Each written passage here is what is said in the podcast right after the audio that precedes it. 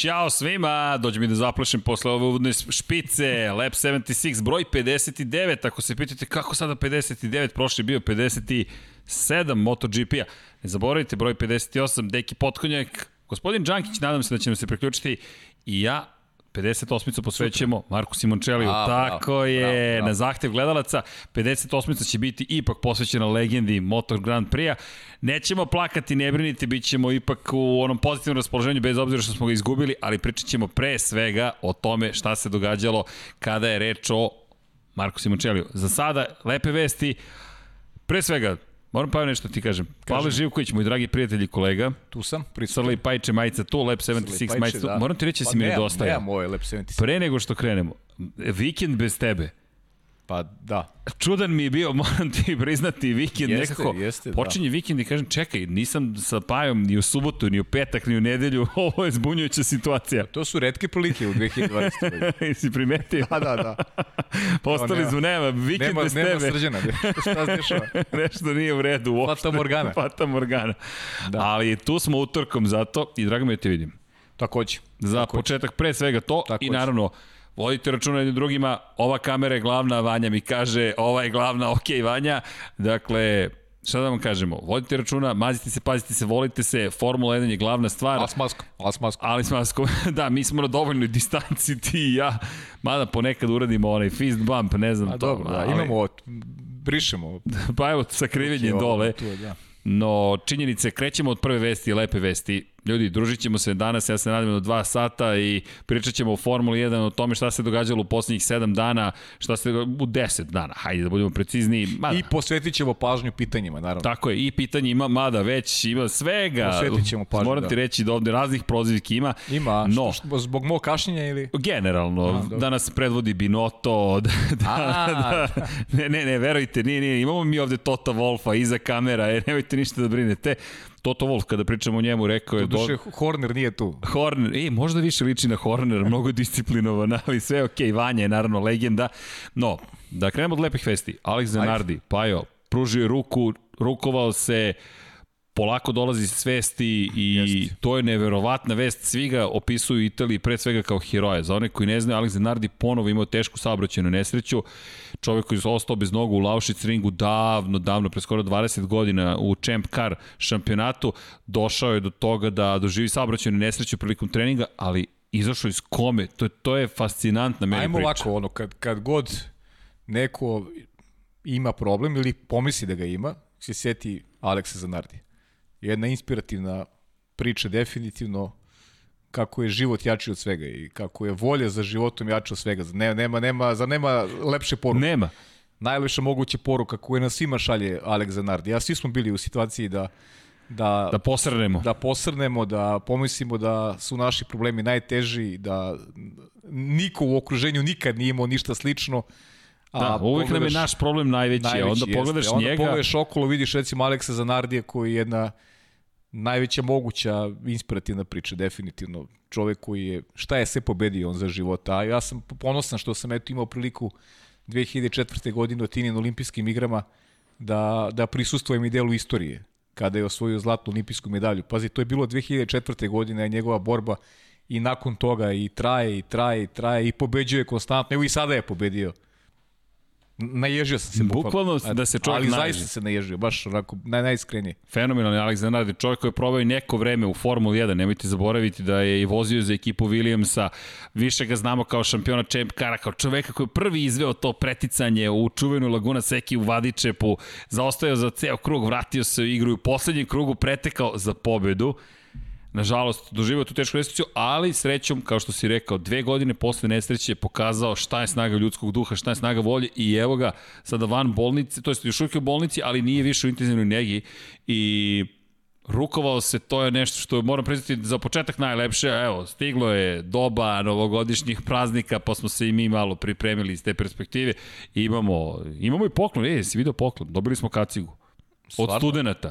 A, doneli su nam tortu, doneli su nam kacigu, doneli su nam majice, doneli su kačkete. Kačketi i majice odlaze sutra na put, tako da znate, uskoro će pošta da stigne do vas. Znaš da se nismo čuli, da ja sam bio u, u Ti bazenima. si u bazenima. U bazenima sam bio cele nedelje i tako da ali znam da je bila dobra emisija, to, to ne znam ko mi je rekao. Od sad da je. zovem samo studente. Samo studenti. Donose okay. poklone, donose torte, malo dobijamo na kilaži zahvaljujući šećerima. Da, manje, manje se trenira što se vidi. da, vidi se. A pazi, ovaj, i ova zajednica koja nas prati generalno, koja šalje poruke, ja sam, eto, na kraju 2020. godine, mada imaćemo još jedan, imaćemo još jedan podcast pre, pre nove godine, ja bih želeo zaista se zahvalim svima na porukama, na, na korekcijama, na sugestijama. Zaista sam onako, baš se lepo osjećam uvek tokom šampionata Formula 1 zato što je napravljena konekcija sa ljudima koji znaju mnogo o, o Formuli 1, sad pričamo konkretno o Formuli 1, i koji nesebično sa nama dele neke svoje informacije i zaista nam pomažu u, u prenosu. Nije to fraza nikakva.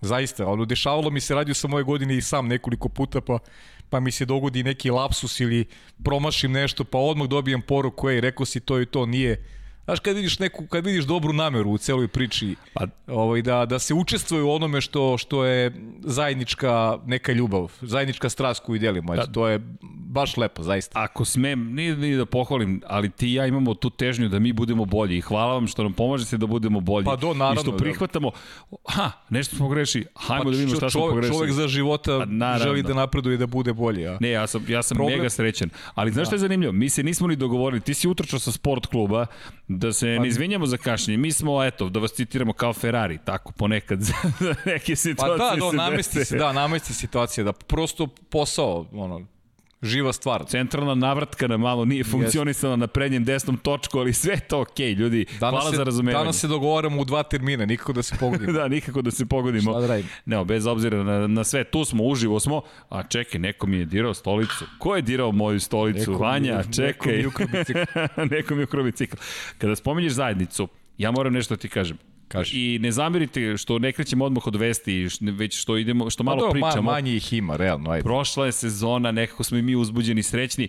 Pričat ćemo verovatno naredne nedelje pred novu godinu o utiscima cele ove godine i Lab 76 i, i kako se mi osjećamo iz te perspektive, ali Vanja, možeš da nam pustiš, ajde da nam pustiš prvo video, molim te. Ja ne znam da li si ti ovo video i reći da se osjećam ponosno i da sam prezahvalan gospodinu Alenu Šmitu je mala reč, ali čovjek je napravio stazu. Pogledaj ovo, pa je. Znaš gde se sad voziš?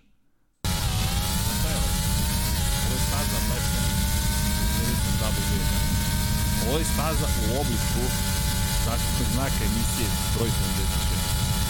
I mi se upravo vozimo. dakle, ideja, ja moram da kažem, čovjek koji je smislio zaštitni znak logotip emisije se zove Nikola Brđović, Brđa popularni, čovjek koji radi u agenciji Huge Media, to agenciju koju ja takođe radim. I čovek koji, o, dobili smo i zvuk, hvala Vanja. Ne znam da li ovo Lewis Hamilton vozi, ali mislim da je gospodin Schmidt u vožnji. Ima tu nekih sad momenta, prelazi se s jedne pa strane pa, dobro, na drugu okay, stranu. Ali, ali, ovo je predivno, zaista. Da li razumeš koncept cele priče? Pa da, pa evo, kao zajednica. Tako smo i počeli, da. Tako smo i počeli, nešto smo ja, sanjali. Ja iskreno nisam znao, ja nisam znao za ovo. To ono što si rekao, nismo se ni čuli i nisam znao da, da da smo dobili jedan ovakav poklon i hvala od srca. Ja ne znam šta, šta da, da kažem, ja sam šokiran, ne znam da li da, da, da, da slavim od sreće ili da plačem ili prosto da budem samo presrećen, ali hvala gospodinu Šmitu i hvala svima vama. Čovjek je napravio stazu u obliku broja 76. Kažu ni kao više Tilkeovska, ali ok, preživjet ćemo nekako. Dobro, ovo je, ovo je Šmitovska. Tako ćemo za neka bude, ne, ovo je, neka ovo je brzine, bude, brzine staze. Neka bude prvo u nizu, da. Ali da, neka bude prvo u nizu i vreme koliko sam shvatio koji je odvezao je minut valjda 0.3, tako nešto otprilike traje krug. Evo pogled, pogled ovo iz ptiče perspektive i ovo je eto, ulazak u tu relativno sporu krivinu. Ovo naravno mora da bude na više nivoa. Pa, Napravit ćemo naravno. mi mostove, je. nemojte ništa da brinete, jasno, jasno. pasaže, sve to. Ova, ova, ova ukosnica nekako je problematična. Znaš šta se ne potiče na kotu? Kao da je prva krivina u koti. I onda ide dosta ovako pravac. Ovo je neki sahir, tako nešto. Predivno, zaista predivno. Fenomenalno, dakle, hvala vam još jednom i tweetovao je gospodin Schmidt da je napravio stazu. Možeš da nam pustiš i one tweete, tweetove, molim te Vanja, to je prosto zahvalnost. Napravio sve oko staze. Dakle, evo ga. Tek danas uhvatio vreme za Lab 76 epizodu 56 dok gledam na drugom monitoru. Na prvom nacrtao sam koncept srpske staze u broje 76 i jezercetom. Dužine 4 km, vozilo bi se 76 krugova, 304 pre, km kroz tunele i mostove. Koliko, koliko ovo kreativno Tako je. 11 krivina označava 2011. koja je značajna za sport klub. Sjaj. Kada smo radili prvi prenos. Hvala. S tim što ćemo mi da je smestimo u univerzum. Dakle, negde u kosmos ćemo da je stavimo i bit će kosmička staza. Hvala. Mi smo se zahvalili, ali eto, dobili smo i update-ove kako to sve izgleda. Pa eto da krenemo od zajednice. Meni je nekako ta ljubav pa za ovu to, godinu pa, najljepša. Pa to ti kažem, jeste. Za, mislim, ne, ne samo ove godine, nego generalno. I, i baza je sve veće i veće. Sve više ljudi učestvuje kako u našim prenosima, tako i eto, kažem, u toj raspodeli informacija i evo i ovakih kreativnih momenta koji su predivni, zaista sam dirnut sam onako dirnut najiskrenije ga, baš. da te gane prosto. Nije nije ono nikakvo podilaženje ili neka fora sad kao Naprotiv. moram da reagujem tako, ne, nego prosto prosto radost, tako, čista, jest. čista radost. A biće toga da. još, nemojte da brinete. Sad nam je sledeći cilj, to ćemo sa gospodinom Lemajićem. Hvala Vanja za ovaj prelaz na kadar dok proveravam da li sam sve podesio kako treba sa, sa, sa, sa slušalicama. Ali da, gospodin Lemajić, vidjet ćemo da ubacimo to u neki simulator pa da sednemo da odvezemo i u još ozbiljnim, to jest već je ubočeno, ali da idemo korak dalje. No, da se pozabavimo malo Formulom 1. Ajde malo. Ko čemu, Srla i Pajče o Perezu. Sergio Perez, da napravi, čekaj, da se okrećemo, da, da se okrećemo. Da se okrećemo za Perezom. Pa potpisao dobro, ali, za Red Bull, čekaj, kako? potpisao je. Dobro, ajde sada da, da ono, batalimo sad onu priču Baba Vanga, ja sam promašio. tu ti je šolja, čekaj. Da, promašio sam, ja sam ubeđen bio da će album da ostane. Manje zbog tih konekcija Tajland i ta priča, mnogo više zbog uh, toga što negde uh, mi se kosi sa onim što rade veliki timovi, a ta raspodela vozača, bolji, one koji u službi tog boljeg i tako dalje i tako dalje. E sad je ovo jedna, jedna kombinacija koja će biti interesantna. Naravno, za mene je Max Verstappen i dalje ono što jeste, najtalentovaniji vozač koji se pojavio u Formuli 1 unazad 20 godina i ja tako to ja ga tako doživljavam, ali sigurno da će imati i on možda veći da kažem izazov i Perez bi mogao njega da učini boljim vozačem. To je ono što smo svoje vremeno i pričali u ovom podcastu. E, Perez neko ko sigurno neće da popušta, neće da pušta papučicu s gasa, on je neko ko će gleda da izvuče e, najbolje moguće iz ovog ugovora koji je dobio, iz mogućnosti da vozi ponovo za, za jednu moćnu ekipu, da se iznova bori za pobedu. E, ja se radujem iskreno. Baš se radujem što nisam bio u pravu, što se Perez, što Perez ostio u Formuli 1, jer e, ovo otvara neke nove mogućnosti Red Bullu, a možda otvara i neko novo poglavlje koje ćemo gledati u Formuli 1. Možda će poučeni iskustvom Red Bulla i drugi timovi, drugi velikani da reaguju na sličan način. Jer mi sada imamo objektivno dva sjajna vozača u jednom timu, što zaista nije dugo bio slučaj, ali da se svesno napravi kombinacija sa dva sjajna vozača. Jer mi nismo znali kako će Leclerc da vozi kada je došao u Ferrari, tako to je bio mlad momak. Valterija Bottasa, opet nismo znali da li može da bude adekvatna zamena za, za Nika Rosberga. Mi sada imamo zaista dva izuzetno moćna vozača unutar, unutar jednog tima, što je za mene veliki benefit za sve nas koji volimo Formulu 1. Ja sam se oduševio kad sam vidio tu vest, zaista. Jer pogotovo što je najiskrenije nisam očekivao. Mislim da je univerzalni osjećaj i univerzalna emocija. Sergio Perez dobio ugovor sa Red Bullom, jer jeste zaista zvučalo neverovatno da će Christian Horner i Helmut Marko reći, ok, idemo ka vozaču koji je u situaciji da ne može da pusti tek tako gas. On mora da iskoristi ovu situaciju, Sigurno. mora da se nametne, da pokuša da iskoristi taj Red Bull koji smo videli da je plahovit, da, da, da je hirovit, izvinjavam se, da je specifičan bolid i da odgovara za sada Maxu Verstappenu. Mora punim gasom Sergio to da iskoristi. E sad, imamo tu par stvari. Kada pogledaš pre nekoliko godina imali smo sjajnog Daniela Ricarda sa Maxom Verstappenom. Da li imaš utisak da se vraćamo u taj Red Imam, Bull? Da. S tim što Max Verstappen tada je bio jedan klinac koji se pojavljuje. Ili tako? Nije bio, da, nije bio ovaj Max Verstappen. E, ne znam, možda ćemo posebno pričamo o Maxu. Ja mislim da zavređuje Max posebnu a, priču za ovu godinu. Nije bio drugi u generalnom plasmanu, nije postao ni šampion, ali mislim da je ovo godina sazrevanja Maxu, potpuna ona godina sazrevanja, gde je prosto e, koristio šanse.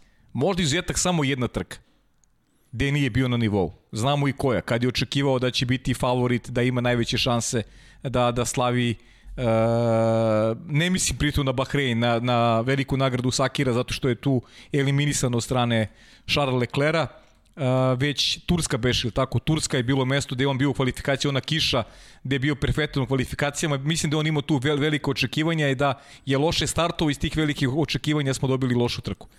Sve ostalo, Max je odradio perfektno. U granicama onoga što je mogao nekada i više, izvukao i više od, od, od nekih realnih mogućnosti. I zato mi ta sada e, rola koju će imati sa Perezom mnogo me raduje jer verujem da će njemu pomoći da postane bolji vozač, a opet s druge strane gledat ćemo jednog takvog vozača kakav je Sergio i dalje u šampionatu zaista su se onako kockice dobro složile, neočekivano i svaka čast onima koji su predvideli da je ova opcija realna. Ne, ovo je fenomenalno. Ja sam potpuno, isto kao i ti oduševljen, negdje mi se nadovezuje na priču o McLarenu. Sada vidimo ponovo dva vozača moćne u istoj ekipi, Red Bull koji mora da juri titulu šampionatu konstruktora. Ima tu puno priča.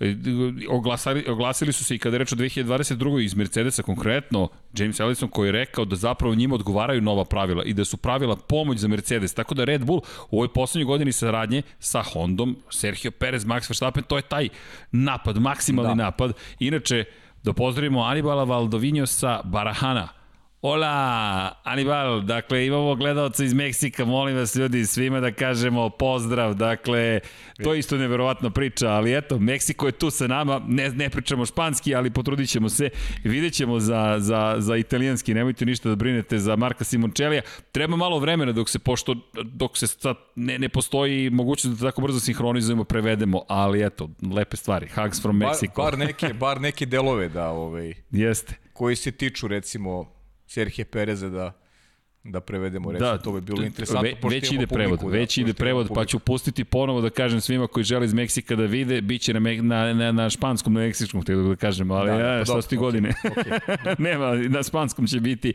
prevod. No, kada pričamo o Perezu, eto, ko čemu Srla i Pajčeo s Perezu. da. Pa najmeće se kao tema, šta da radimo? Pa fenomenalna tema. Ja sam, izbegneš Ja sam presrećen. Ne možeš izbegneš temu. Ja sam isto. Žao mi je Alex Albona, odmah da se razumemo, pa, ali Albon je mlad vozač. I, da. Biće prilika, ja verujem. Pa daš kako, i to je pitanje. Znaš, Slažem pitanje. se, ali dolaze, imam dolaze da će mladi, biti. Dolaze mladi, pitanje je šta će, kako će Red Bull to da on reaguje, kako će da gledaju na stvari. Ne znam, zaista je teško predvidjeti. Toliko je mladih dobrih vozača da, da, da ne osuđujem se da kaže da ćemo vidjeti ponovo Albona u Formuli 1. Da, kada pričamo o, o, o tome ko će biti u Formuli 1, kada već tu rečenicu izgovaraš, mnogo je pitanja o Nikiti Mazepinu. Da. To je hot topic, što kažu, uh, glavna tema, pored Jest, Serhije tema Pereza. Dana, da. Pa zato tema što, je, zato što je aktualna. Nikita Mazepin, za one koji ne znaju, na Instagramu je postovao jednu noćnu vožnju ulicama grada uz, recimo, bliski kontakt sa damom, određenom na jedan specifičan način. Ono što je tu je, pitanje jeste, on je sada vozač Formule 1, neka druga pravila počinju da se primenjuju. Ti predstavljaš više od samog sebe, sada predstavljaš i ekipu Hasa, i sport, i mnoge sponzore koji su, to je sve sponzore koji su povezani što sa sportom, što sa ekipom i da, da, li, da li to se radi ili se ne radi je ono glavno pitanje, nije, nije čak ni pitanje, ti si sada ambasador i povukao si neki potez koji se smatra neprihvatljivim. Cela kampanja postoji da se Nikiti Mazepinu ne dozvoli zapravo da vozi naredne godine i priča se o tome da bismo mogli zapravo da vidimo Pietra Fittipaldi naredne godine umesto Nikite Mazepina u bolidu Hasa. Da. Pa znaš kako, aj sad iskreno ćemo kao što, Uvek. kao što ste navikli. Ja cijeli priči vidim malo pozadinu Ferrarija i te uske veze koja postoji, a pričat ćemo nešto kasnije, imamo još jedan onako dokaz tome da su Ferrari i Haas mnogo više povezi nego što je to slučaj između Ferrari i Alfa Romeo recimo. Rekao sam i pre dve nedelje, meni se ne čini uh, dobrom ta kombinacija, dobrom po Mika Šumahera ta kombinacija Mazepin, Mazepin Šumacher. Dobrom uh, po nečemu što je neka perspektiva Ferrarija. Ferrari koji je m, povukao niz poteza kako bi uh, Miku Šumacheru učinio prilično komfortnim to vreme koje će provesti u, u, u Hasu. Simone Resta je stigao, uh, on je pritom šampion Formule 2, porodično nasledđe koji ima Ferrari mnogo nade ulaže i polaže u, u Mika Šumahera. U kombinaciji sa, sa, Nik, sa Mazepinom koji je potpuno onako drugi, drugačiji profil ličnosti. I odmah da kažem, meni se jako dopada kao vozač Mazepin, da budem iskren. Vrlo poštojem Nikitu Mazepina i mislim da uz jedan pravilan razvoj da to da ima perspektivu kao vozač Formule 1 ali moment uh, u kome teži Ferrari sada, mislim da Ferrari jednostavno ne vidi dobro tu kombinaciju uh, Mazepin, Mazepin uh, Schumacher i da se prosto Nikiti Mazepinu traže neke greške. Šta to znači u prevodu za Haas kada pričamo o finansijama? Znamo da Dmitri Mazepin će dobro i da podmaže taj dolazak i podmazo je dobro verovatno taj dolazak Nikite u ekipu Haasa, to zaista ne znam, ali nekako se meni čini da da u cijeloj pozdini postoji i interes Ferrarije. Gledamo onako sa strane i čini mi se da je to slučaj. Jer, srđene, mi smo za ovo znali i pre nego što je Nikita uh, potpisao ugovor sa ekipom Haas. Je li tako? Pa znali smo da je, uh, ajde da, kažemo, da, zločesti momak. Pa da, i da, je, i da je bilo tih incidentnih Jest. situacija tipa brisanja postova, uh, i tako dalje. Tako. Zašto ste potpisali ugovor sa njim kad ste to znali? Zašto se sad odjednom kad je potpisao ugovor provlači ponovo pitanje e, pa, kako će Haas da reaguje? To je pitanje pritiska javnosti. Evo pričamo jedno od pitanja jeste bilo kada govorimo o zajednici i ovde sad imamo i kontra, neću da kažem kontra zajednicu, ali imamo celu kampanju protiv toga da Nikita Mazepin bude deo prosto ekipe. Zašto? Prekršaju neka pravila ponašanja. I sad, da li je licemirno ili nije? Hajde da, da, da posmetramo stvari ovako, to je posao. To je ogroman posao, to je, to je voženje Formula 1, jeste sport prevashodno, ali je pored toga ogroman biznis. I sad, biznis, svaki posao ima neki imidž. Imidž koji se plasira na određeni način. Nikita Mazepin je upao u situaciju u kojoj taj imidž u ovim, u ovim, u ovim okolnostima ne odgovara onome što Formula 1 želi da prenese dalje. I samim tim, bez obzira na njegove sposobnosti i na novac koji bi mogao da dođe sa njime, sebe doveo u situaciju da publika kaže ne. Veći deo publike kaže ne. Čim se to desi, timovi počinju polako da se povlače. E sada, kad zanimljivo je to što kažeš za Ferrari. Konkretno, zašto mi je to zanimljivo? Ferrari koji je potvrdio da zapravo postavlja de facto štab ekipe Hasa Tako u Maranelu. U Maranelu. To je sad drugi deo priče koji sam hteo da potegnem vezano za te odnose između Ferrari i Hasa. Znaš, mnogo mi realnije nekako prijemčivije Ferrariju deluje ta kombinacija Pietro Fittipaldi uh, Mick Schumacher.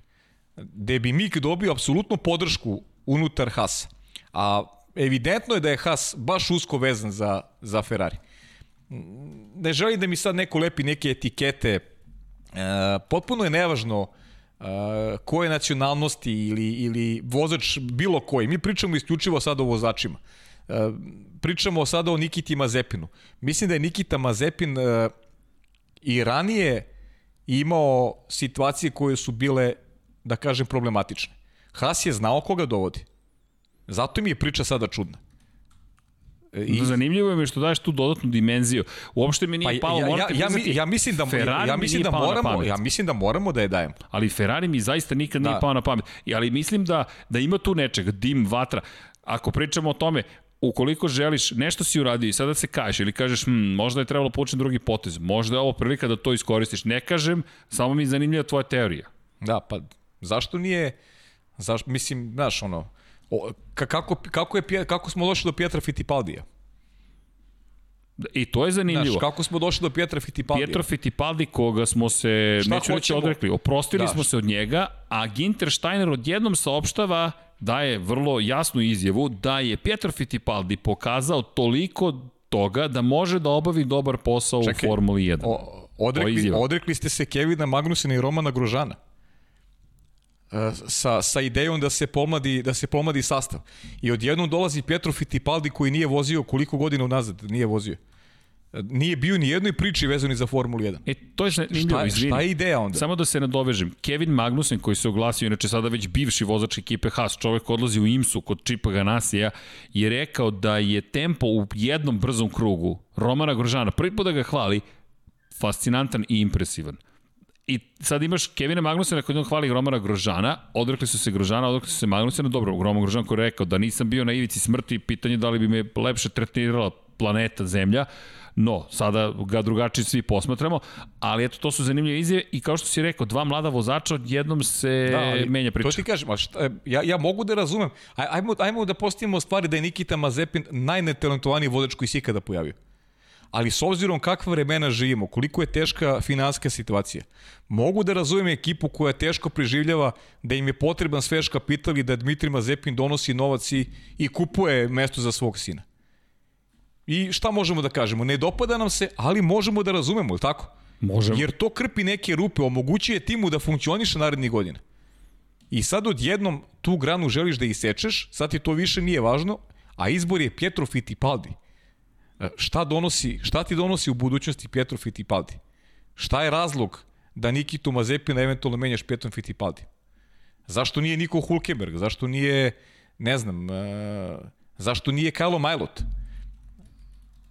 Zašto nije Christian Lundgaard? Znaš, zašto nije vozač koji može da bude bara-bar sa Mikon Schumacherom? Pa nemam pravi odgovor. Ja, ja, ja zaista nemam pravi odgovor. Ne, nemam pravi odgovor. Zato, zato pričamo na ovaj način, jer čini mi se da postoji pozadina. Sve ono što smo rekli vezano za relaciju Ferrari i Hasa, uz dužno poštovanje, ja zaista mislim da će Ferrari napraviti uh, zvezdu od Mika Schumachera i da će Mik Schumacher to vratiti Ferrari jednog dana, jer je de, nesporno talentovan vozač, ali moment, uh, ono što se dešava trenutno mi se ne sviđa, moram priznati.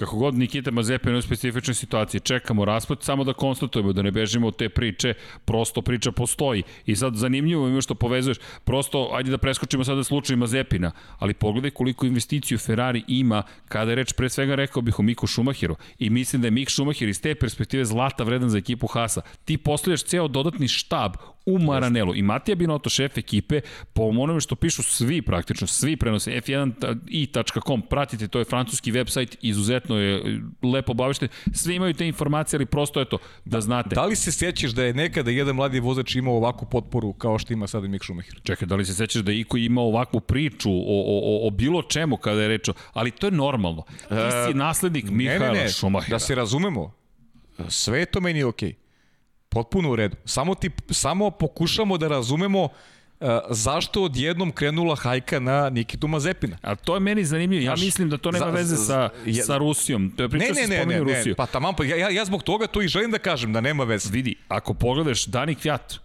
Godinama je čovek tu. Ja, ja sam to i želeo da kažem. Da, da, da mi neko ne proglasi, ne znam. Sergej Sirotkin. Pa naravno. Ma ne tebe, nego Bilo generalno. Koga. Pričamo samo ovo znači. Niko od njih nije loše prošao ja, na taj ja, način. Ja mislim, ja mislim da je cela priča Ferrari Mik Schumacher. Ideja Ferrari i Mika Schumachera. Nikita Mazepin, kakav je vozač, ne bi mogao Mik Schumacher da ima da ima taj status koji Ferrari želi pored Nikita Mazepina. Ja, Nikita, meni je fenomenalno. Nikita Mazepin jedan bezobrazan po znacima navoda, neko, vozač neko ko, ko će da, da, da pogine na stazi za, za dobar rezultat. Pogine po znacima navoda. I gledali bismo, gledali bismo nešto što a, nije kvalitetan timski rad, siguran sam u to ok, pa ti uvek imaš neke, neke specifične moje, ne, ne, najave. To, to, imaš Baba Vanga moje, šolju. To je moje gledanje. Da, moje vidi, Pa meni sećaš da sam ti rekao, da, da sećaš da smo yes. pričali o tome, Mazepin, Schumacher, ne yes. mogu da ih spojim, ne mogu da ih stavim u isti kontekst uopšte. Jesi, vidi, lagao bih ti da kažem da nisi, ali evo sve što smo pričali, sve što smo videli, apsolutno jesi. Da. Vidjet ćemo, ne znam. Jo, to još nije potvrđeno zvanično. Gite Steiner je rekao da će oni se naknadno odrediti o tome šta su posledice po Mazek, Mazepin, ali ti si mnogo aktivniji od mene na društvenim mrežama. Dobio se danas poruke od ljudi koji pomno prate, koji su takođe aktivni i sve su mi to preneli vezano i za Gutierrezov, eh, za Gutierrezovu, za, za Pietra Fittipaldija i njegovu reakciju, šta je postovao danas da je Mazepin izbrisao sve što ima veze sa Hasom, tako da se tu nešto ozbiljno dešava, očigledno. Ok, kako god pogledamo Mazepin, pratit ćemo situaciju, zašto? Pa menja jednog od 20 ljudi na celoj planeti Zemlji. Da li će biti tu ili neće biti tu. No, ja bih se vratio samo na Haas kratko da, i više pričao o Šumahiru. Paziti podršku koju dobija. To je ozbiljna podrška. Mi sada pričamo Matej Binoto je rekao, što se nas tiče, Haas je zapravo kupac i to je ekipa koja samo kupuje od nas. Međutim, kada pogledaš koga su prebacili, meni to deluje da će to biti veoma ozbiljan tim. Tako da, da, da ne idemo dalje od toga, pratite prosto pa, celu situaciju. Fre, Fredrik Vaser je rekao jednu jako lepu stvar koja je živa istina. Uh, Alfa Romeo, tačnije Zauber, nije toliko usko vezan sa, sa Ferrarijem. Imaju isključivo poslovni odnos. To se pokazalo i kada odabir vozača u pitanju. Uh, Alfa bira po nekoj svoje potrebi vozače. U krajnjem slučaju i Đovinaci i Ostiro su oni tako hteli. Nisu želi da im se nameće ni Kajlo Majlot, ni, ni Schwarzman. Haas, Haas je vezan, baš vezan za Ferrari. Zavisi od Ferrari u dobroj meri. I ta, ta veza je baš onako jaka, postala još jača sa onim što si naveo sada kako imaće, imaće svoje odelenje u Maranelu. Pazi, mislim, to je, gde ćeš, ili postoji neka takva vrsta filijale? Ne da ja znam, moram ne ti postoji. priznati. Ne, ne da ja znam, tako bliski ne. Mogu, mogu, super. U, u, biće u Maranelu. E, Has. vidi, biće, da, u Maranelu će biti Has. Mi ne pričamo, mi ne pričamo o Hasu, mi pričamo o Ferrari. Ferrari. Mi pričamo o suštinski o Ferrari. Ok, ima mnogo tema, ali eto, Sergio Perez, nekako njegov dolazak potvrđeni, to je mnogo zanimljivo. Ovo Jeste. je, ovo je pa dobro, to je u stvari centralna tema, ovo, ovo je danas se, danas se negde pojavilo. Ali da ne bežimo od toga, prosto se pa dešava. Ne, nikako, nikako, i pa i ne smemo da bežimo od toga, to je Interesantna Interesantno. Tema. S druge strane, čovek koji dobija priznanje za svoje ponašanje, za uspeh, za sve ono što je postigao u 2020. godini, sa, i to vrlo zasluženo, Lewis Hamilton, sportski čovek godine u Velikoj Britaniji. To nije mala čast, to je velika čast sedma titula šampiona sveta. Smo zaključili Pereza, jesmo? A? Jesmo, pa, pazi, verujem da ćemo se vraćati, ali već smo toliko pričali o Perezu. Znaš kako gledam, Honda, Red Bull, tri pobede onda ove godine, znaš. Pa šta sledeće godine? Mislim, imamo četiri u stvari. Ne, imamo četiri. Imamo i Pjera Gaslija, imamo i dve, dve pobjede. Maksove i Tako jedan jedno Serhije Pereza. Ne, vidi, ne, nekako ne da nam se od Pereza da odemo. Ali šalim se, moramo da idemo dalje. A dobro, jeste centralna tema, zaista. Jeste Mislim, centralna tema, ali, ali vidi, toliko toga smo i... izanalizirali. Mi već negde znamo već šta možemo sad očekujemo. To je, to je ta priča o, o, o dolasku Pereza, ali bih volao... A kako ti doživljaš, mene, eto, nisi se dotakao ti, kako ti doživljavaš tu buduću saradnju Maksa i, i Serhije Pereza? Pa znaš kako, meni je ovako, Sergio Perez Znaš da smo pričali da, da porodica Feštapin je zagovarala Nika Hulkenberg, imaju dobre odnose sa Nikom Hulkenbergom. Meni nije delovalo da Max i, i Sergio imaju loše odnose, naprotiv. Uvijek su to bili srdačni razgovori. E, ja mislim da će Sergio da izvuče od Maxa još više naredne godine. Smatram da će tako biti. Ali šta će se dešavati u momentima kada Sergio Perez bude bio u prilikama da pobeđi u trkama? Kako će se tu ponašati, ponašati Red Bull. Ako je Max taj koji treba da osvoji šampionsku titulu za Red Bull, kako će Red Bull, Red Bull imati strategiju kada, pita, kada pričamo o, o, o saradnji dvojice vozača? Ili misliš da će to biti otvorena bitka, izvoli, izvolite, trkajte se, ili će biti timskih naredbi? Prvo ne znam. Evo iskreno ti kažem ne znam. Poznajući Red Bull ne bi me čudilo da postoje neke naredbe. Međutim, ajmo da se vratimo na početak. Prvo pitanje, to jest, odakle, kakav je moj utisak? Moj utisak je da će to biti, i delim utisak s tobom, da će to biti jedno od boljih izdanja Red Bulla. Najveće pitanje je da li Sergio Perez može da ovlada tim bolidom. Taj bolid videli smo da je problematičan zadnji kraj, da nije uopšte toliko stabilan. Racing Point kojim je on upravljao je de facto Mercedes iz 2019. Jeste. To je bolid nad bolidima bio 2019. Ti dobiješ jednu od ozbiljnijih mašina, možemo reći ne najbolju, svakako nisi fabrički tim, u svoje ruke, pokazuješ šta možeš. Sad odlaziš u neki drugi koncept. Pričamo o tom rejku čuvenom i tom podignutom zadnji kraju. Ako ovo je prednji kraj, ovo zadnji kraj, bolid Red Bulla uglavnom stoji ovako I to je ta filozofija koju od uvek ima Adrian Newey, da pokuša na taj način da stabilizuje zadnji kraj. Zadnji kraj ove godine je bio vrlo nestabilno i mm. problematičan. Albon tu se nije snašao. Max Verstappen jeste. Kod Mercedesa i samim tim Racing Pointa, point. gotovo potpuno spušteno. Druga filozofija razvoja i ponašanja bolida. Rezultati su slični, međutim filozofija i način i stil vožnje je potpuno drugačiji. Ponekada se to ne vidi, ali to je jedna od kritičnih stvari koju mi imamo. I sad, ako tim bolidom, jel te, ovlada Sergio Perez, mi smo svi na konju, što kažu, da se izlažim na jedan, ajte, rogobatan način. Zašto? Pa, sa, kao što si rekao, Sergio Perez brz može da, uslovno rečeno, ugrozi Maxa Verstappena, iz Maxa to izlači, rekao bih, po fabričkom podešavanju maksimum i mi dobijamo još bolji Red Bull. Istovremeno mislim da će ovo poboljšati Valterija Bottasa, Jer Bottas, ako ili će ga potpuno uništiti, ili će ga potpuno izbaciti iz Formule 1. Jer odjednom Bottas neće imati više dva Red Bulla, i nema jedan, imaće dva Red Bulla s kojima mora da se bori. Budimo realni, do sada nije mogao da se bori sa Lewisom Hamiltonom, ne očekujem tu vrstu napretka, očekujem Hamilton da bude favorit za osmu titulu, ali sada imaš dva Red Bulla. Takođe to utiče na Hamiltona, tako da meni cela ta sezona odjednom izgleda pet puta bolje. Slažem se, da. Poštujem Albona, ali nema to što bi trebalo. I sad dolazimo do timskih naredbi. Da li će Red Bull da kaže čekaj, šansu imamo za pobedu treće mesto ako Perez blokira Bottasa ili blokira Hamiltona, imamo šansu da više poena osvoji Max. Mislim da će od toga u velikoj meri zavisiti. Drugo, mi ne znamo šta piše u tom ugovoru. Da li Perezu piše, ako budeš dobar dečko, i odradiš posao kako treba, dobiješ ugovor za 2022. Jer ovo je presedan za Red Bull. Ovo je neverovatni e, presedan to, to sam teo. E, to sam teo ti kažem. To je poenta cele priče. I toga sam hteo posebno da se dotaknem. Ovo je nešto što je nepoznato u istoriji Red Bulla. Da dolazi vozač koji nije iz njihove akademije. Koga nisu gajili, Koga nisu a nisu gajili, više u krizi ili nova ekipa je. koja znači, mora da dovodi ljudi. I ovo, ne, da, da. ne znam šta nagoveštava uh, za bu, neku budućnost. Znaš, da li ovo nešto znači još u prevodu, da li ima neko narovučenije, ne možemo to, ja iskreno ne mogu da proniknem. Uh, nemamo ni neke insajderske informacije trenutno kako će sve to izgledati, osim što se obojca radujemo, a verujem i većina ljudi koji prati Formulu 1, da ćemo dvojicu zaista sjajnih vozača gledati u jednoj ekipi i to je nešto što meni 2021. godinu čini posebno, posebno interesantno ja, ti, ja kažem ti, ovo sve kako vidim trenutno, meni garantuje spektakl. Da. Iskreno, spektakl, a i nekako se radujem. Čovjek koji je pobedio u prethodnoj u ovoj godini, iz sezone iza nas, ima ugovor. To tako bi trebalo da bude. Pa trebalo bi, da. Mislim. To bi nekako nalaže logika stvari. Jest. Jer mi smo stalno pričali, čekajte, ovaj čovek neće imati ugovor. Ne, ne, ne, evo ima ugovor. I to sa kime? Sa Red Bullom. Ok, i svaka čast Kristijanu Horneru i Helmutu Marku, pa i Diteru Matešiću, verujem da i on aminovao to, a da ne govorimo o tome, evo imamo meksički gledalce, što to za tržište prodaje Red Bulla, rekao bih da veoma povoljno utiče, ne zaboravimo, Aston Martin više nije glavni sponsor ekipe, rekli su ne traže novog glavnog sponzora, Jest neće biti Aston Martin Red Bull više, Aston Martin postaje Aston Martin, ekipa iz koje Racing Pointa izašao Sergio Perez ali cenim da će prodaje Red Bulla pa skočiti u Meksiku, da, već da. da je skočila ovako. Sto, da, da, sigurno. Ne, nemam dilema Pazi, oko toga. 115 da. miliona stanovnika i imaš jednog vozača u Formuli 1 i trka ti dolazi u Mexico City. Svi piju Red Bull. Bukvalno svi piju Red Bull.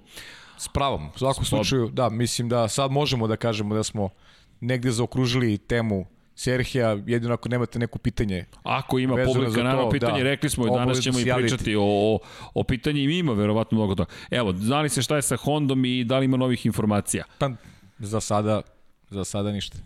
Na, na, za sada nema. Ne Ali ovo, novim. a poslušaj ovo, Edo 69, ono kad vozač Red Bulla završi u Ferrariju, konkretno Carlos Sainz mlađi, a vozač Ferrarijeve akademije završi u Red Bullu, Sergio Perez. Da, da, da. u čudnim vremenima živimo, rekao bih, ali... A to je skladu sa 2020. i celim ovim COVID-om 19 je ludilo Ali za, za razliku od Carlosa, u stvari od, od, za razliku od Serhija Pereza, Carlos Sainz uopšte nije bio ozbiljan kada pričamo o razmišljanjima Red Bulla. Sergio Perez je na momentu čak onako bio kandidat za dolazak u Ferrari, ali ta mogućnost je propala. Da, propala je, međutim, evo ga u, u moćnoj ekipi. Gde, gde, šta je, ajde, ajmo sad da te pitam, gde, je li bolje da ideš u Ferrari ili Red Bull? Sada. Sada u ovom momentu da. u Red Bull. U ovom momentu u Red Bull. I ko je garant, bolje garant, prošao? Garantuje bolje rezultate sledeće godine, ako ništa drugo. A šta će biti 2022. to Ne možemo zna. da znamo, da. Ok, otvaraš mi temu. Hteo sam da idemo na Hamilton, ali vratit ćemo se na Hamilton i činjenicu čovjek s proglašen sportistom godine. Međutim, ono što je jedna od glavnih tema, mislim da je važna tema, pomalo i zastrašujuća, rekao bih, jeste ta izjava zapravo da nova pravila da, Mercedesa, da. pomažu, da, i da je to velika usluga. James Ellison, tehnički direktor Mercedesa, je rekao da promena pravila, iako bi trebalo da zapravo spreči nastavak dominacije Mercedesa, je nešto što će pomoći Mercedesu da nastavi tu istu dominaciju. A znam, Sređan, ali ko može da kaže da su promena pravila da mogu nekog da spreče ili da mu, da mu otežuju da mu pomognu? novim pravilima svako treba da se prilagodi. Mercedes ima resurse da se prilagodi novim pravilima. Ja nijednog momenta ne znam, verujem da i ti tako razmišljaš. Da, da nisi imao uh, tu ideju da će sada odjednom od 2022. Mercedesa neće biti. Jer to, bože, probini su pravila i sad oni neće moći da se snađu. Pa ne, to je jedna utakmica, a Mercedes u toj utakmici sa svojim resursima, sa ekipom koja funkcioniše sjajno, oni su i dalje u privilegovanom statusu. Ja bar tako vidim, jer, jer do ulazak u nova pravila dočekuju kao najbolja ekipa. Opet drugi treba da urade mnogo bolji posao, kvalitetniji posao, da imaju ljudi i resurse koji će im pomoći da sustignu Mercedes, bez obzira što pričamo o novim pravilima. Tako da, a opet ta izjava James Ellison opet može se protumači na onako kao jedan dobar pritisak na ostatak konkurencije, Pa, kao je, neki da vam dokaz da kažem. vam pokažem ipak smo mi u svakoj varijanti moćni. Neće vam pomoći ni ta nova pravila, opet ćemo biti najbolji. Pa, to je manje više i negde suština njegove izjave. Rekao je da, da bez obzira na, na posledice koje će se desiti, ali nemojte misliti, ono što Poenta je da će to biti novi motiv, kaže za ceo Mercedes, da pokaže koliko je dominantan. Pa I da to nema veze sa trenutnim ima, pravilima. Ima logike. Ima logike, da. Upravo zbog toga što se, pa evo, zato što i ti ja potencijamo novim pravilima iz te perspektive.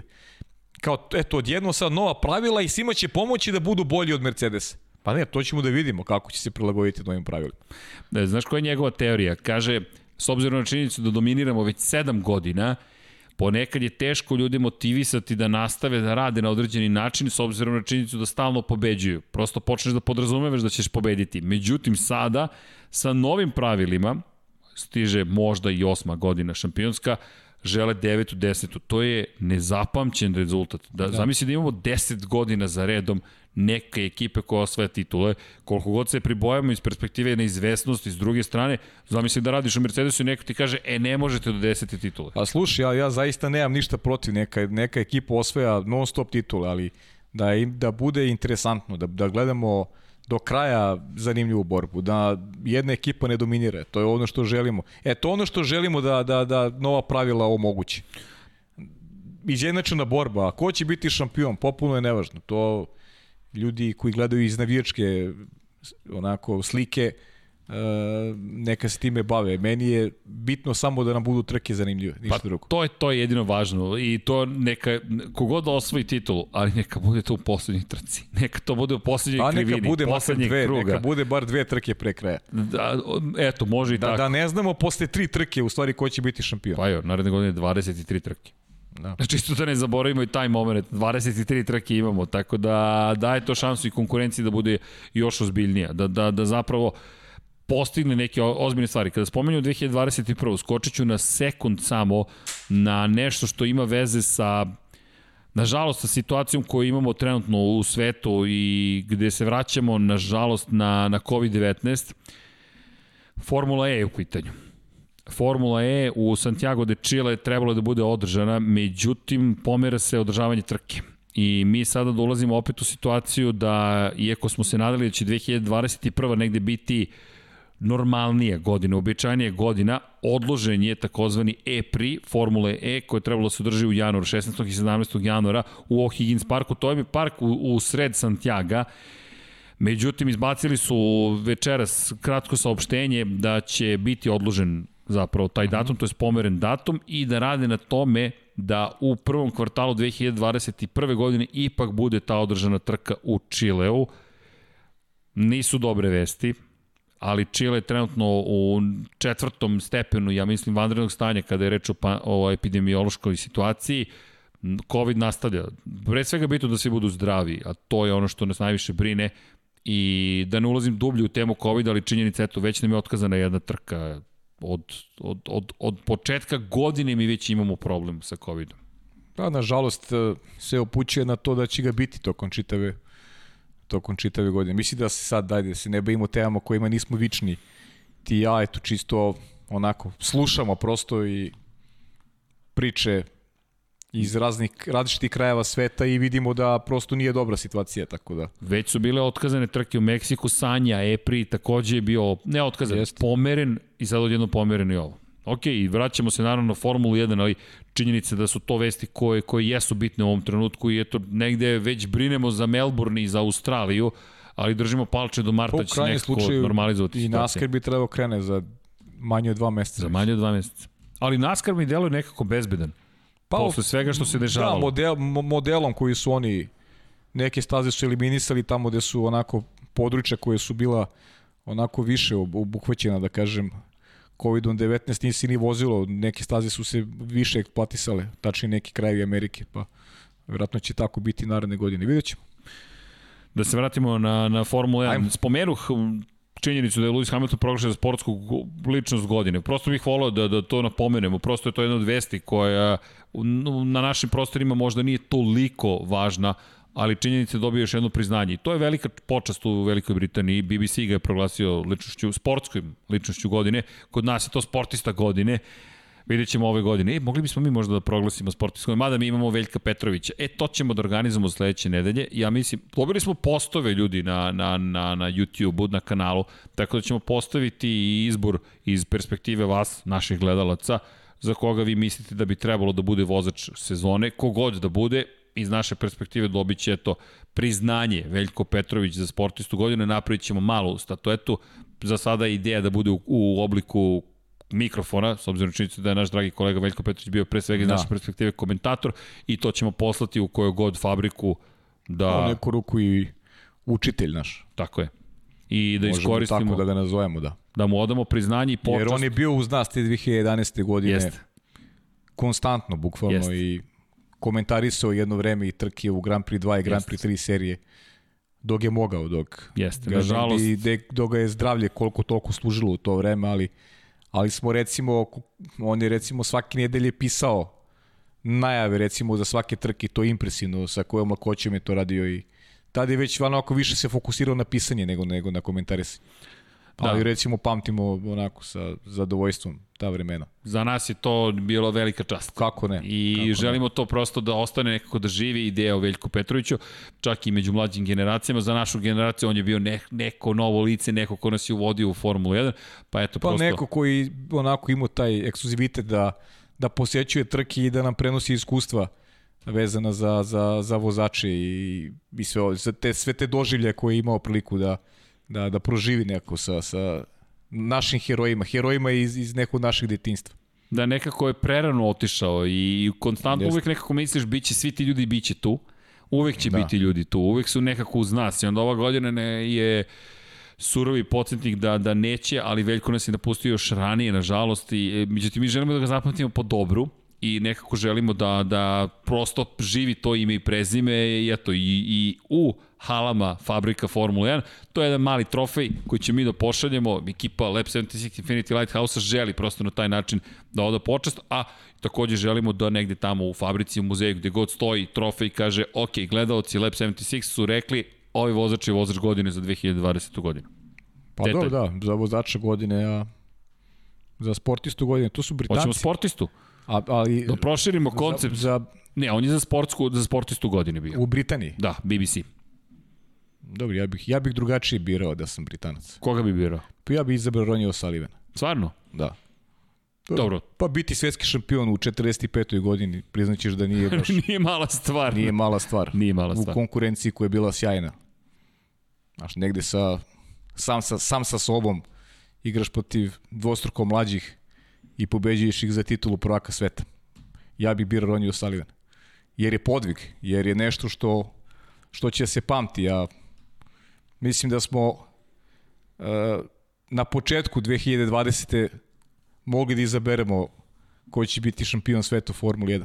Mislim, predvidivo je, znaš, da bi bare, bare meni bilo, da bi to bilo dovoljno da izabereš nekog za sportistu godine. Eto, ja, ja tako gledam iskreno. Ali dobro, pazi, od 95 pobjeda u istoriji Formule 1. Sve okej, okay, to su brojke. To su brojke, brojke Sedam ostaju. titula šampiona sveta.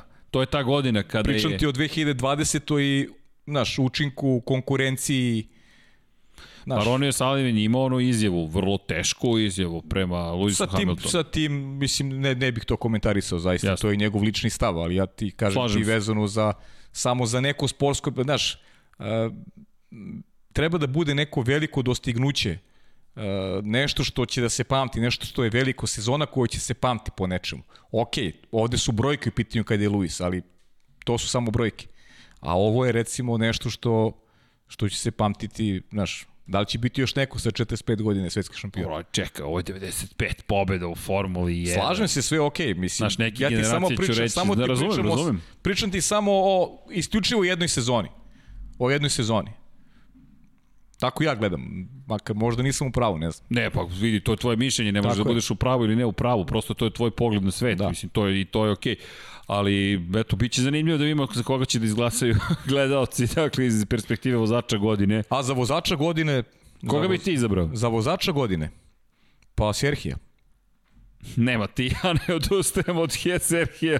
Serhija, da. da, okej. Okay. Serhija bih izabrao. Mada mislim da Hamilton po defaultu nekako, kad se izjednači po broju titula, nas priš 95 pobjeda, to je, to je, to je istorija. Pa, Mi pazi, smo prisustvovali istoriji ove Pazi, Luis je, Luis je neka njegova zona, znaš.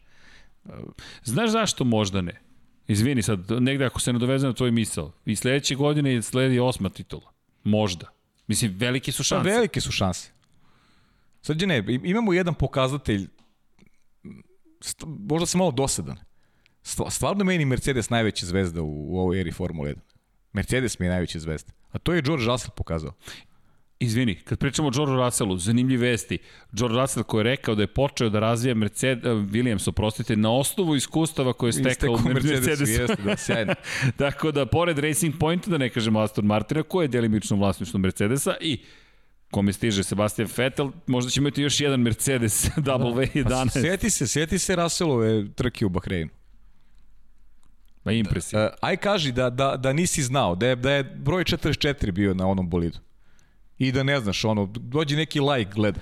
I da nema potpisa. Ali znaš šta to pa rekao, meni govori? Rekao bi da je to Hamilton. Ali znaš šta to meni govori? Meni to govori mnogo o Georgeu Russellu. Meni to govori o Georgeu Russellu. Mislim da je da, da ostaje ta priča da je, da je, da je Hamilton takođe žrtva toga što sedi u tom bolidu, da, da se ponekad ne vidi koliko dobro, brzo. Nije, ne, nije on žrtva, on je, on je privile... Uslovno rečeno Pazi, žrtva. Da, da ti kažem. Pazi, on ne dobija te zasluge koje bi dobio neko drugi možda. Ne, ne, on je, on je zasluge zaslužio. Prvo, Lewis Hamilton je, Lewis Hamilton izabrao taj Mercedes. To je ceo proces. Ko svakog čoveka postoji proces. Ti treba da prepoznaš uh, da li, je, da li je nešto vredno tvog angažmana, da li želiš da uđeš u projekat koji ti je ponuđen. Uh, to je ona priča, govorili smo je, sastanak sa Rossom Bronom, da mu je bilo dovoljno 5 minuta razgovora sa Rossom Bronom da je on shvatio da je Mercedes taj izbor. Pritom nisu slučajno birali Luisa Hamiltona, nije Lewis Hamilton pao s Marsa u, u ekipi Mercedes. Ali ceo tajming, cela priča kako se razvijala, Lewis Hamilton je sam sebe doveo, doveo do te pozicije. Ali ono što ne možemo da osporimo je činjenica da je Mercedes napravio nešto što je savršenstvo. I da se u tom savršenom bolidu adekvatno i dobro stalaze i neki drugi momci. Ali zato ti kažem, meni je to utisak više o Georgeu Russellu, nego, nego do bolidu već znamo, to je, bolid je takav kakav jeste. Međutim, meni je utisak o tome da smo zapravo mogli da, da smo zapravo videli Georgea Russella koliko je moćan to, to, mi je, to je meni najveći utisak. I dalje George Russell, dao bih opet nekako prednost samom Russellu. Ne, meni je Russell taj koji je, koji je prava zvezda bio tog trenutka. I jedan od komentara gledalaca je bio, gledam kada porediš kvalifikaciji Sahira i kvalifikaciji za Abu mada su Abu Dhabi ispale vrlo interesante na kraju, konačno ključno i za pobedu Maxa Verstappena, svoju pol poziciju, ali uzbuđenje koje je vladalo pred velikom nagradom Sahira, što mi ne znamo šta će da se desi što imamo George Russell u bolidu Mercedes i kažemo, ok, šta sada, šta je moguće? S jedne strane mi to pokazuje koliko je Hamilton izvestan u tom bolidu, s druge strane, Russell može li to? I može. Ali mislim da ne treba poceniti koliko je Russell zapravo velik vozač. Ne, ne, pa to niko... Potencijalno. Ko to pocenio? Potencijalno, samo to. To ističamo stalno, ali opet je, meni je to pokazati koliko je i Mercedes moćan. To, ali to, to nekako smo već znali. Vrlo moćan. I da te pitam, izvini, sad Ajde. skočio bih na Ferrari. Pričali smo o bazi koju prave štabu zapravo za Haas. Za Haas da. Vest da je Matija Binotto potvrdio u već u novim bojama Carlos Sainz je prisutan sve sa jelkom pored motora sedi Ferrarija da će moći da se trka slobodno protiv Charlesa Leclerca. Hoće da ostane Binotto u, u Ferrari? Okej. okay. ne znam, ali to je izjava Matije Binota. Da je glavni prioritet da dođe do maksimalnog broja poena za ekipu. Da je to prioritet da. ekipe. Pa ajde da mu verujemo. I da, da li je to dobra strategija? Ja ne vidim tako, ali je, ajde, možda je, možda je to, možda će zaista ta 2021. biti priprema samo za ono što ih čeka 2022. da pokuša na taj način da se iskristališu kao tim, da dozvole vozačima, ali ja zaista ne vidim to. U ekipi koja je, gde preovladava Charles Leclerc i njegovi ljudi, mislim da je to nemoguća misija trenutno za Carlosa Sainca. Kvariš novogodišnje praznike i božićne Carlosu Saincu. Carlos Sainz koji je rekao da neće nikada zaboraviti trenutke kada je prvi put ušao u fabriku. Zamisli samo taj moment. Ulaziš u fabriku Ferrarija, ti si vozač bio i u Toru Rossu, išao si u Renault, išao si u McLaren i Ferrari dođe. Bez obzira, ajmo da zaboravimo rezultate ove godine. I dođe Ferrari i kaže hoćeš ugovor. Ma, odmah. Pa da. Odmah. Odmah. Samo za ovu situaciju, da ti sediš sa novogodišnjim jelkom iza sebe, tu je Binotto, preko puta je Charles Leclerc i ti si u crvenim bojama i kažeš ja vozim za Ferrari. Mislim da je Carlos Sainzu ispunjen san već sada. Znaš kako, mi imamo interesantnu 2021. Uh, pričali smo malo pre, Red Bull prvi put ima postavu koja nije Red Bullovska koja nije iz njihove akademije. Znači, u stvari, jedan iz akademije, drugi nije.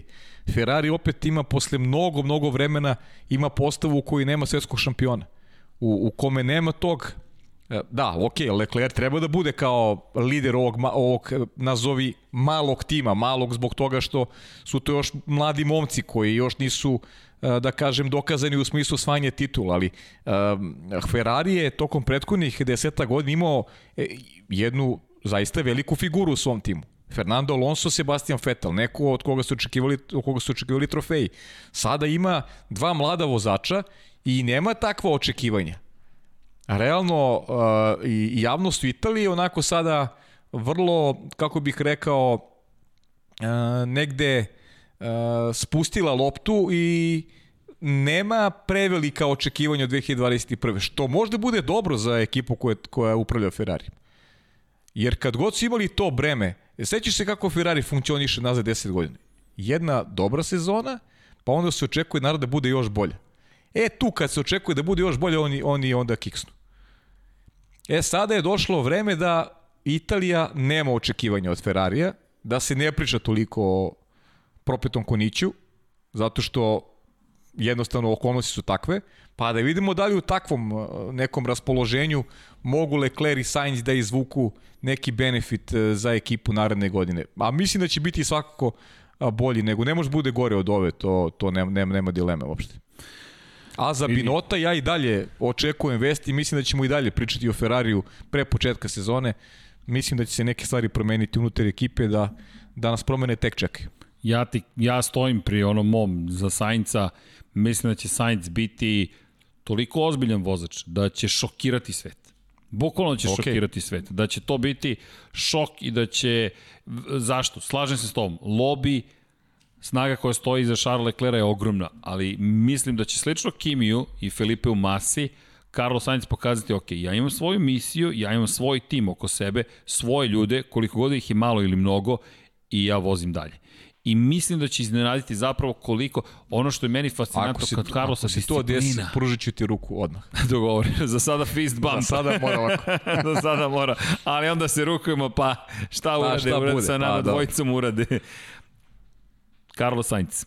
Ok, Carlos, Carlos Znam, Sainz. ti to pričaš, ja sam... Vidi, meni to... Ja sam rekao da me onako baš... Njegova rešenost. Promenio se mišljenje tokom drugo polovine, da. ali i dalje onako mislim da je malo nekim malo ovako je Čekamo. dobio dobio priliku brže nego što je trebalo, čini mi se u Ferrari. Čekamo. E, inače, Toto Wolff je rekao što ne odgovara drugima, da veruje da njegov osjećaj će doživotno biti vezan, vezan za Mercedes. Znači, to je snažna poruka. Trogodišnji ugovor je potpisao. Da. Ostaje u Mercedesu.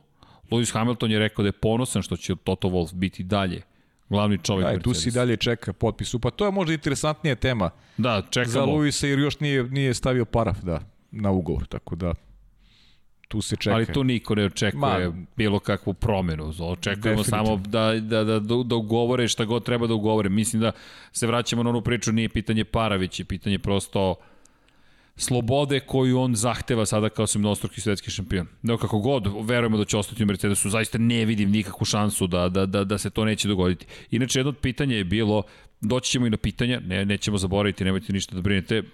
Vanja, koliko trajamo? Smo na jednom satu za sada. Evo, jedan sat, taman, taman ćemo ući malo u, u priču o, o onome što smo videli, da, i test mladih vozača smo pokrili, samo da spomenemo, mladi vozačka, jel te, Fernando Alonso bio najbrži, da, ne, da ga ne zaboravimo, no to nisu e, čekaj, dobio sam, dobio sam da. poruku ovaj, da, da? pomenemo i potez e, FIA nagradu za potez akcija godine, preticanje Kimi, znaš da smo pričali o preticanju Kimi Rekonena. I to smo govorili u prošlom podcastu, ali zaista vredi da, da se podsjetimo još jedno, definitivno Kimija i možda ova godina nije bila dobra za Alfa Romeo, ali eto Kimi u to malo prilika koji ima ove godine da sa ovom nemoćnom Alfom nešto uradi i izdominirao je tokom oni. Koliko je? Sedam preticanja da. je imao na startu trke. Tako beš?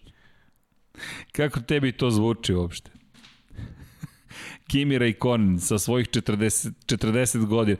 Ne e, pa znam, to, je ja... ono, to je ono što ti kaže, znaš, ono što sam, zašto sam malo pripričao, znaš, teško je da se, teško je da se boriš sa, sa momcima koji su neki duplo mlađi od tebe. A on je i dalje fizički jako spreman, nema, prosto nema bolit koji možda mu omogući kvalitetnije rezultate, ali i dalje ima volju, radi to ono što je malo preko vezano za, za Ronio Salivana. Kad ti sa 45 godina postaneš svetski šampion, to je nešto što, što je stvarno neverovatno, mislim, nezamislivo. A dogodilo se. E tako i ovo preticanje Kimi Rekonena je nešto što će se stvarno pamtiti. Toga se i ti setio prošle nedelje, ono na kraju Jeste, misli, sećaš. pričali smo o tome. Znaš, neko smo, za, neko smo zaboj, ali pazi, evo, FIA je to proglasila ali, za, Pavle, ja, za, za potez godine. Izvini, ajmo ovako. Da li tebi deluje da ova godina je jedan test za sve nas, za naše psihološke sposobnosti? za naše kognitivne sposobnosti. Jeste i živa istina, da. Ja ne mogu da se setim svega. Evo ljudi, vi mi recite čega se, evo, evo ja imam pitanje. Šta se desilo u drugoj trci u Silverstonu. Druga trka u Silverstonu. Da, generalno... Ne kraj trke, nego šta se dešavalo. Da, generalno, znaš, ima neki upečatljivi, je... da, neki upečatljive stvari. Koje Ajde, možda sam izabrao za upečatljivo. Seti, da, ali... ali ajmo, druga trka u Austriji. A ne, pa jo. ja se jedino sećam da sam je sam radio. da, ja se sećam da sam ležao u krevetu u tom trenutku. Znam da si bio bolestan, toga, toga se, se sećam. Da. Ali čekaj, ej, čekaj. Ade, nije ovo, ovo nije onaj, onaj moment kada radimo reviziju sezone. Malo Sledeće ćemo nedelje, da. Sledeće nedelje, tako je. Čekaj, ja sam iz kreveta radio prenos Jesi Formule 1. ta smo, ta smo pomerili granici isto, možemo se pohvalimo da nešto. malo me nije u top stavila. Ajde da. da se blago izrazim. Kad je čula da sam ja rešio da radi. Ali apropo ludila, Hamilton koji je seo boli, ja nisam Lewis Hamilton, ali taj moment, Herceg, jel možeš da radiš? Ma, mogu da radim, ali znaš, možda ti neće biti dobro. Ma, ne zanima me, dajte mi slušalice. Prva trka sezone. I da ne komentarišem. Da, pa to je Nema dobro. Šans. Da se ne vraćamo sad na, na Luisa, absolvirali smo to. Ne, ne, Luisa, sad, sad ti pričamo o nama dvojici, da, čekaj, da. mi smo izmislili nešto novo. Jest. Nama su doneli kutiju, za one koji ne znaju, koja kodek, kutija, klasičan kodek, koja se koristi na prenosima zapravo kada odete na, na put, kada odete na lice mesta. I ja sam ju bacio u, pored kreveta, spojio sa internetom, stavio slušalice i pošto uvek postoji to kašnjenje, stavili smo web kameru, koja posmatra monitor koji gleda Pavle. da. I ja sam to gledao preko Skype-a ili ne znam ja više kog softvera. Mislim da je Skype jedino što sme da bude instalirano. Ne, ljudi, su, ljudi su rekli da je to zvučalo kao da smo zajedno u kabini. Ali ko je, ko je to koncept? Web kamera gleda tvoj monitor, ja ga pratim na Skype-u, komentarišem, onda to odlazi nazad na sport klub, tebe hvataju iz kabine sport kluba, sve se to muksuje, tako, tako reći, da. i onda pušta u kablovski sistem A to i da pozdravimo naše čupovce, našu tehničku... Naše čupovce, čupovce da. da. Inače, to su dugokosi ljudi, imaju dugu kosu, heavy metalci su u pitanju, rock'n'rolleri. Pozdrav za Milana i Ivana koji su sve to omogućili, ne nestvarna akcija, kompletno ludilo se dešavalo iza kulisa da bismo mi komentali sa trku Formule, ali i to ponekad zaboravimo. Eto, to su i naši mehaničari. Mi smo ti koji se uglavnom čuju i vide, Međutim, koliko ljudi je iza kulisa koji rade na tome. Pa eto, da iskoristimo novogodišnje praznike, makar da im kažemo hvala za to. Zaista je bilo za, za ludo. To, za to muksovanje stvarno hvala. Da. hvala za to muksovanje. Ja, da. Stvarno je bilo specifično. Pri čemu niko ne sme da, da, da otvori vrata, to jest ne sme da mi da, nego ostavljaju kesu da bih ja sam otvorio od vrata i uzeo stvari, da se niko ne zarazi. Zahtevna je bila trka. A znaš gde sam ja bio? Pa je pogodi. 10. to je interna šala, pa kabina broj 10. Pa to ti kažem, či, čisto, do... čisto da nam bude da nam bude zabavnije u tom Sada momentu. malo otkrivamo iza kulisa, ali ljudi, kada dobijete kabinu broj 10, imate mnogo prostora, ali samo toga imate, ništa drugo Ništa nemate. teško je za fokus. teško je za fokus, teško je za fokus. nije predviđeno za prenos. Da, da, teško je za fokus. Ali eto, ali dobro je bilo. Eto, dobro, zato što ti je komenta, ko komentator jeste, bolestan od COVID-19. Jeste, jeste. Čekaj, studio COVID-19. Studio COVID-19, jeste. Možeš da se uključiš u COVID-19 studio, mislite zato što ga imam ili pa, zato... Smijem se, ali veruj mi, nije bi bilo do, do smeha, ali dobro. Pričat ćemo o tome i sledeće nedelje, zaista. da. Eto, malo dotvorimo neke. Izvinite, ali... Malo, malo, malo ćemo i se šalimo za novu godinu, malo više. Kako ne? Ej, čekaj, 29. sledeće nedelje, utorak. Da. Au, pa tu moramo da napravimo neku vrstu generalne Polaš. probe. Jelku, Vanja Jelku i da pokušamo da nabavimo novogodišnje ukrase Formula 1 i MotoGP-a. E, znaš šta, moram da ti kažem nešto, da. idem uživo stavljaš e, na svoje leđa mnogo ovaj, obaveza. Na svoje nejaka leđa. Na svoje nejaka leđa. Ljudi će nas sada pitati gde su majice. De, ja, ne, de, ti si sada pitao gde su majice. Ja sam pitao u ime njih, de, znaš. E ti ćeš, kad, ti ćeš reći sledeće nedelje. Da li ti zna, e, nećeš mi verovati. Dakle, osoba koja treba da, koja radi na majicama je, nažal, nije, nije, nije, nije COVID-19, je imala povredu noge. Dakle, ja ne znam ove godine šta se nekom nije desilo tokom ove sezone. Ne, posle Vanja bude kriv ako ne okitimo okay, Jelko. sad si me upropastio potpuno. Ne, ali... nego hoću da, da ne bude odgovornost na Vanji. Znaš. Ne, hvala ti. hvala ti na tome. Štitim Vanju. Da. Hoćemo da skočimo na pitanje. Ajmo na pitanje. Ne, bežim na pitanje, vidi sad. Ne, meni je to sad super, ili mislim da smo... Evo, čekam pet masajci, pet meseci, znam da čekate.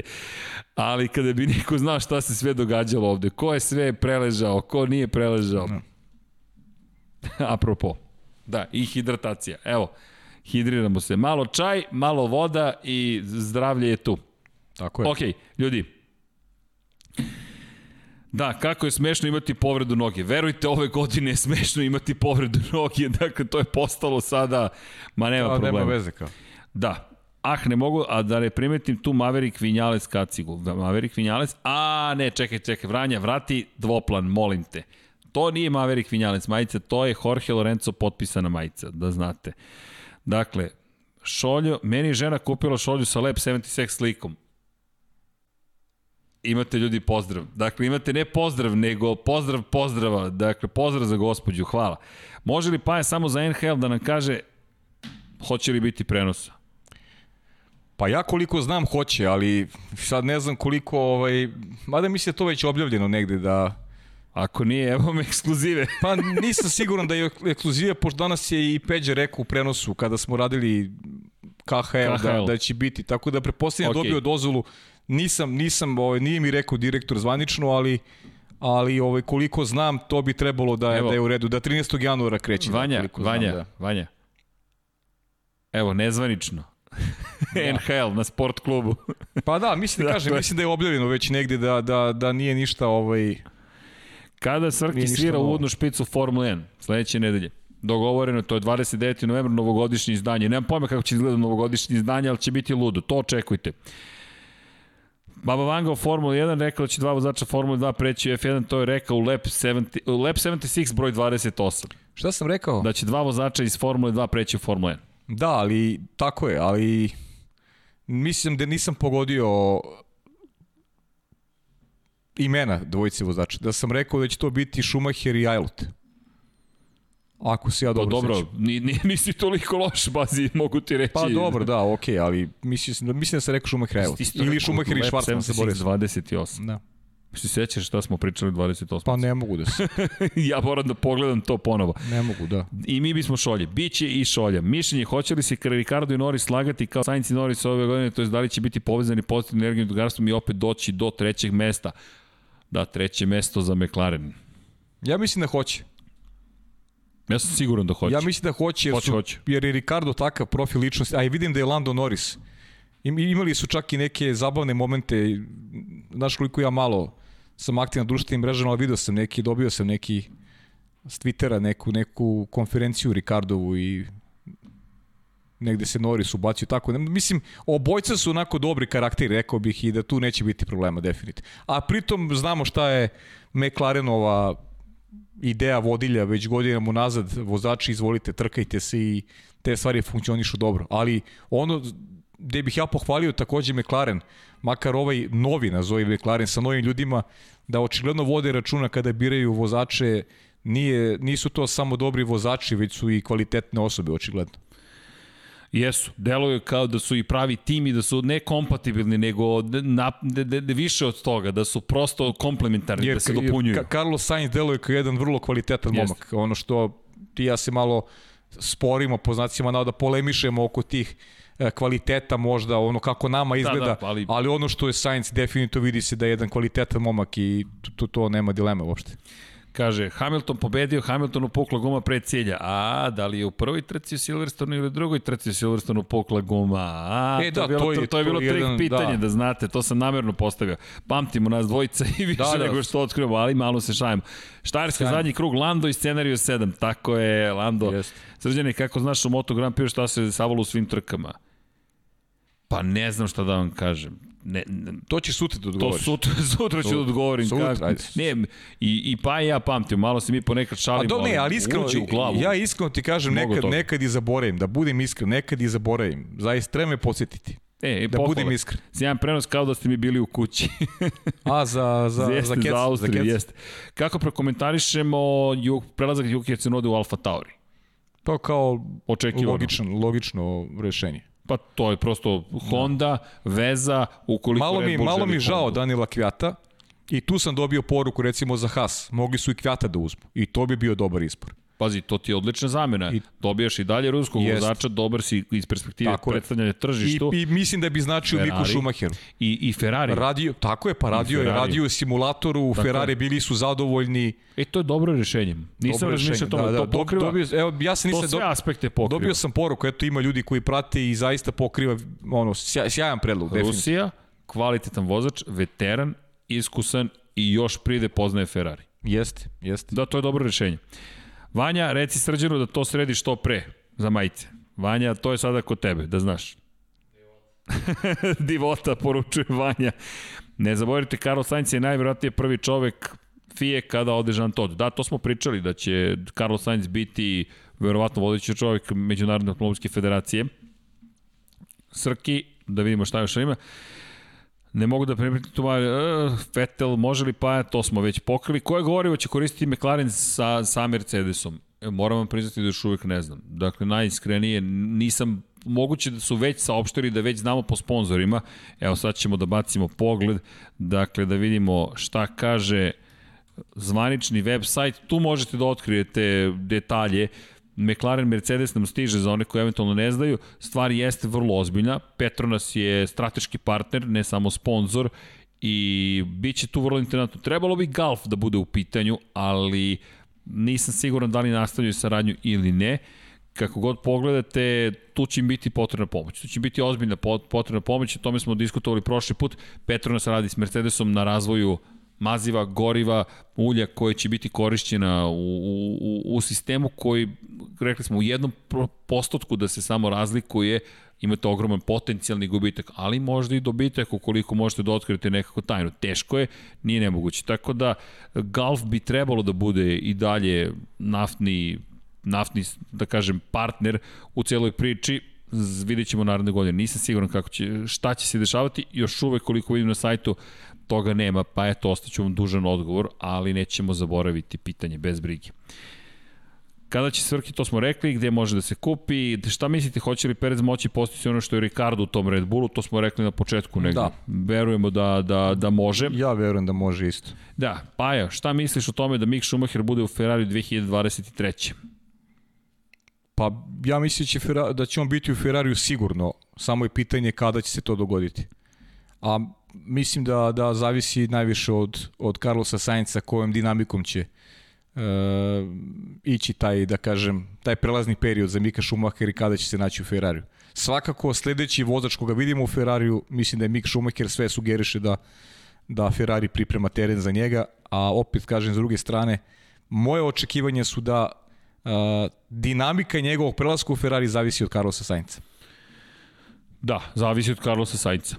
Ali vidi, tu ko pobedi, ko odnese pobedu, to dobro, znam tvoju teoriju, ali ja Dobro, čekam, okej, čekamo, okej, čekamo, naravno, čekamo. vidjet ćemo, mislim, Čekamo. da. Pitanje je, koja tri šampiona sveta su osvajala titule sa Renovim motorima? Pa dobro, to je, to je, suviše je, nekako rekao bih, lako, samo se vratimo u eru Williamsa i, i izab, samo, izab, samo izaberete koga Koga, želite. da, tako je. Ima ih dosta. Ali evo, ukratko, evo to, Mansell, Nigel Mansell, Damon Hill, Jacques Villeneuve, ne znam, Fernando Alonso, cenim da je to dovoljno. Dovoljno. Pa i Michael Schumacher. U druga titula u Benettonu, Benetton, Benetton da. Renault. Mišljenje o Norrisu i Ricardo, to smo rekli. D, Srki, pošto ne mogu da nađem, da nam omogući da vozimo drumsku strelu, šta misliš da mi napravimo virtualno F1 kao na početku sezone? Bili pitom pita. Slažem se. Slažem se, ljudi, evo, otkriću vam tajnu, mi trenutno pokušavamo na vezu da dođemo do PlayStationa 5. Ne pitajte nas ni kako, ni zašto. Zašto? Vidi, Mislim da je očigledno. Samo molim vas to sa srđanom isključivo. Meni je dosta virtualnih trka za narednih 10 godina. Ne, ne, ne, ne. ne. Malo smo se lepo onako i zabavljali u martu mesecu, ali igrice su mi dosadile.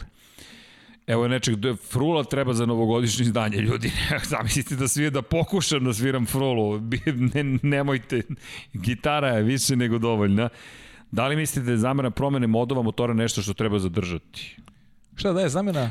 Zabrana korišće promene modova motora između kvalifikacije i trka nešto što Aha. treba zadržati. Pa, Da li misliš da bi bilo zabavnije da imamo party mod još uvijek?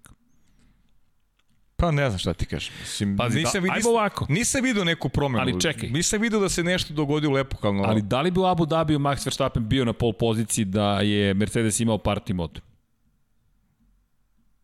Ajmo tako da postavimo stvari. To je prvi put da je ne Mercedesov vozač bio na pol poziciji u Abu Dhabiju.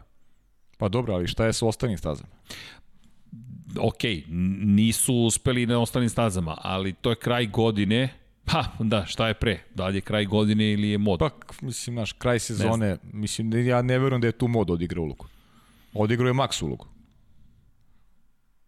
I, pazi, Odgovor ne samo dakle- Max, nego Red Bull. Ti kad pogledaš album kako je vozio tu trku.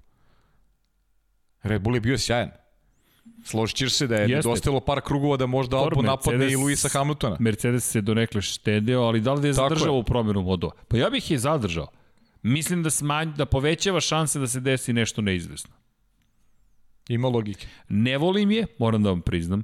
Više bih voleo iskreno veću slobodu, ali ne samo tu slobodu. Više bih voleo ono što smo pričali. Više motora po godini. Više motora E, to po da, godini. to da. To da. bih više voleo. Ako ne možemo za svaku trku, hajde da bude pet motora za se po sezoni, ne Jeste. tri. I to iz ove perspektive, kada već znamo, kada je već tehnologijom u velikoj meri ovladana. To mislim da bi bilo zanimljivo. Pošto ne mogu da mišljenje o Fetelu za sledeću sezonu, pa pričali smo o Perezu, možemo i Fetela da spomenemo, Aston Martinu.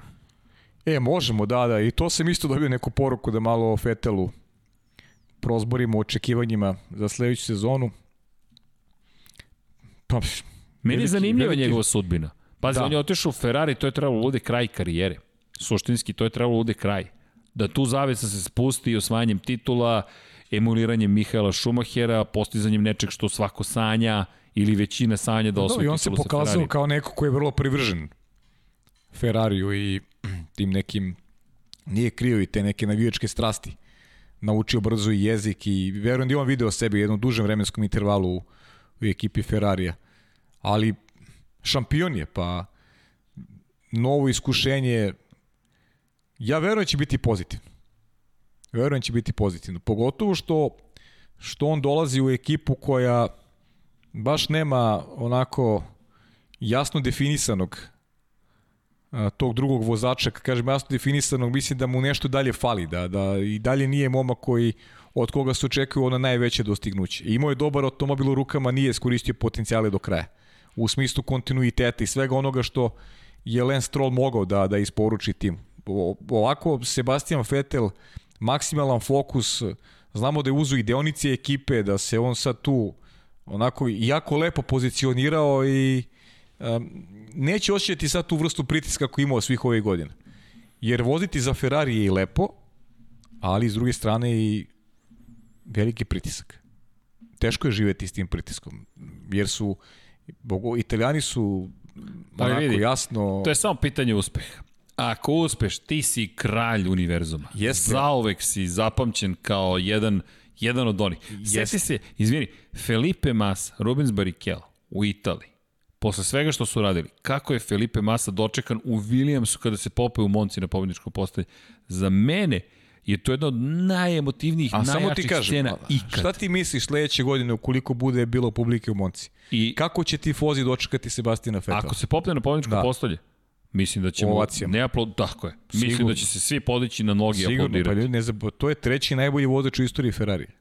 Pazi, ali ljubav koju on pokazao. On peva Jeste. na kraju svoje karijere u Ferrari. Tako je, i peva, i pevo i himnu, i to je sve ono što je radio i Mihajl, sećaš se Mihajla Šumahera kad diriguje, kad se peva Italije. Znači, Ali- nemačka, nemačku himnu mirno, A diriguje italijansko. a diriguje italijanskom.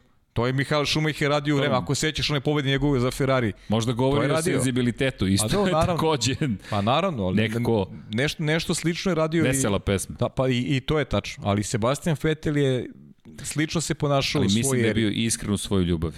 Pa iskren jest, u svojoj ja ljubavi mislim prema da je Ferrari i bio. mislim da će to nagraditi ukoliko bude publike u Monci. I ukoliko bude na pobedničkom sjajan, sjajan vozač i mislim da ga, da ga čeka da ga čeka jedan interesantan period. Ali Ali nema- Živet ćemo zajedno sa njim. Eto, i, I to je nešto što nam daje neku novu dimenziju sledeće, sledeće sezone. Ali šta ti je Monca? Juan Pablo Montoya, prva pobjeda u karijeri Monca. Taj moment, ti si u Monci pobedio, pred svim onim morem ljudi, pred onim ljudima, pred hi- hiljada, desetinama hiljada navijača, na kraljici brzine. Pa Felipe Massa, kažem ti, taj moment da on u Williamsu izađe, to nisu crvene boje, ali on je crveno u njihovim očima. Fantastične Da. scene. I ove godine Pierre Gasly. Pierre Gasly, kako, kako sedi u Monci i šta se sve desilo. Pa, fe, ma dobro, ali to je pride Monca.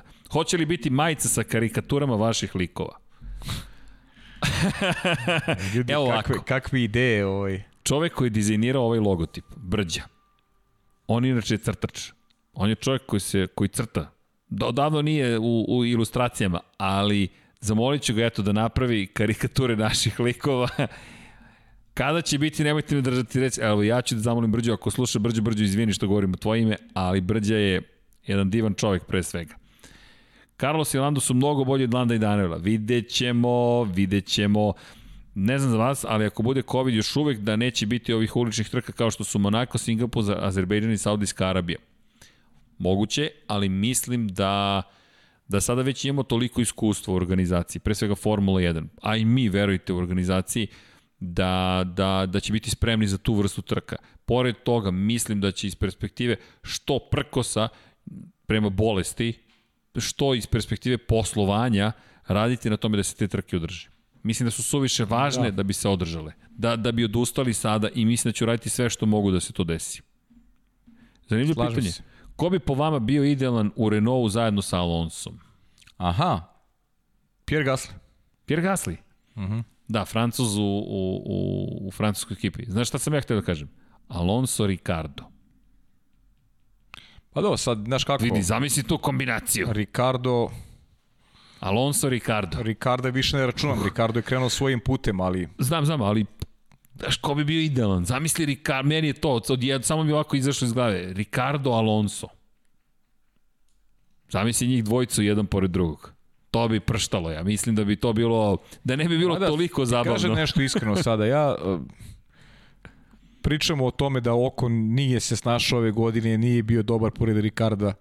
Vidjet ćemo naredne godine, nešto mi neki instinkt moj govori da će Okon biti dobar, sledeće godine će Alonso imati probleme da da pobeđuje Esteban Okon. To je rekao i Ferrari, e, oprosti, i Renault, da, je, da će biti zahtevna godina ovo za Fernando Alonso, da to su to očekivanja prosto ekipe. Sigurno, pa to je ono što pričamo malo pre. Znaš, kad ispadneš iz štosa, kad nisi u nekoj, ne zaboravimo, Alonso je taj koji ulazi u petu deceniju života, što, što nije, nije mala stvar. To su veliki fizički napad. 23 trke u sezoni. Biće Mnogo. jako teško. Mnogo, mnogo. To je, to je mnogo trka. A Okon, ovo, ovo drugo mesto na kraju godine, veliki vetar u leđa za njega. Pitanje, kada biste mogli da birate u kom biste timu vozili i koji bolid iz bilo koje godine biste hteli da vozite? Kada smo mogli da biramo Bolid, iz bilo koje godine, bilo koje ekipe. Mhm. Oh, mogu da biram, kad bih mogao da biram vozio, vratio bih se u ono vreme Oh, nezahvalno. Ayrtona Sene i vozio bi onaj crni Lotus. Crni Lotus. Da. Lepo. Ja moram ti priznati da se lomim između dva. Williams I okačio bi veliku sliku na zid sebe sebe posle to. Pored, Vidi, Pajo, posle u, toga. U crnom lotusu. Vanja, u crnom lotusu. zastavu da stavimo Paja u lotusu, pa Živković da. u lotusu. Nek, to bi bilo lepo. Tad, tad sam, tad sam, tad special. sam zavoleo, tad sam zavoleo, u stvari počeo da osjećam neku, Dobre. neku strast, koliko to može u tim godinama, da se osjeća neka emocija i da budeš neko, onako, u stvari nekako, dečije sam bio iskren, ono kad gledam formulu, uživao sam i zavoleo posle Ayrtona Seno, eto, tako sam, to su neki početci. Je, je, Prva asocijacija mi je Crni Lotus. Priznajem ti da se ja lovim između dva. Williams Renault iz 1992. čuveni FW da. 14B, Nigel Mansell šampionski i čuveni McLaren iz 1988. MP4. Četvorka. To, moram ti priznam da su mi to dva bolida, ali kad već moram da biram, su, nekako ne mogu, možda je suviše napredan iz 92. 88. To bih volao da ostavi kako beži onaj ja, zadnji ja kraj, kako idem, to divlja. Da, više idem na estetiku i na, kažem ti, tu neku emociju koju sam pa, tada osetio i, moja... i ta neka ono scena, naš moment. To je moja prva uspomena, Marlboro McLaren. Bodimo da, realni. Da, Paklica no, do 300 km na čas. Da yes. se ne lažemo. Yes. dakle, ne promovišemo. Na, ne, nemojte da, da koristite duvanske proizvode. Ali ta paklica, kao paklena paklica u kojoj su prosti sena. Ili nemojte bar često. ok, ovo je Paja rekao. da. da, da, moramo u svakom slučaju, ne, nemojte, nemojte nikada, ali činjenica je, ali činjenica je da, da je meni to ostalo u glavi. To je, to je vaša sloboda šta ćete da radite, pa, naravno, nije naša nama tako. da vam govorimo šta nećete ili nećete, ili hoćete. Kada biste mogli da birate, to smo rekli, tiramisu. Ne znam šta znači mašo tiramisu, ali evo, tiramisu, podrška, mi volimo tiramisu. Tiramisu, da. što ali, god da znači tiramisu. Ok, super, može. Mislim, možda hoće da vam donese tiramisu. ne, mašo, tu smo, ali nema ne, problema. sad je kasno za tiramisu. Posle koje trke ste bili sigurni da Hamilton osvaja titulu? Posle prve. Ne, pre prve. ja bih rekao pre prve trke, ali okej. Okay. E, ovo, ovo je šaljivo. Šta je Pavlu draže da kaže? Prizma ili perspektiva? A, bravo, bravo. Bravo. I, e, počeo sam da razmišljam. Znaš da sam počeo da razmišljam u to? to je ono kad ti se uvuče, znaš, ono... Ali okej. Okay. Pa jedno i drugo mi je drago, da, očigledno. Koji vozači su tokom vašeg praćenja Formule 1 najveće razočaranje, a koji su vas iznenadili? Uf, tokom... Uh, praćenja. Praćenja karijera. O, ba, to, je, ljudi, to je, to stvarno treba to je da se 40 razmišlja. godina za neke, nije baš 40. Znaš pa ja ko... moram priznam, jedan od onih koji me razočarao, rekao sam je Roman Grožan, zato što sam imao očekivanja. Zato.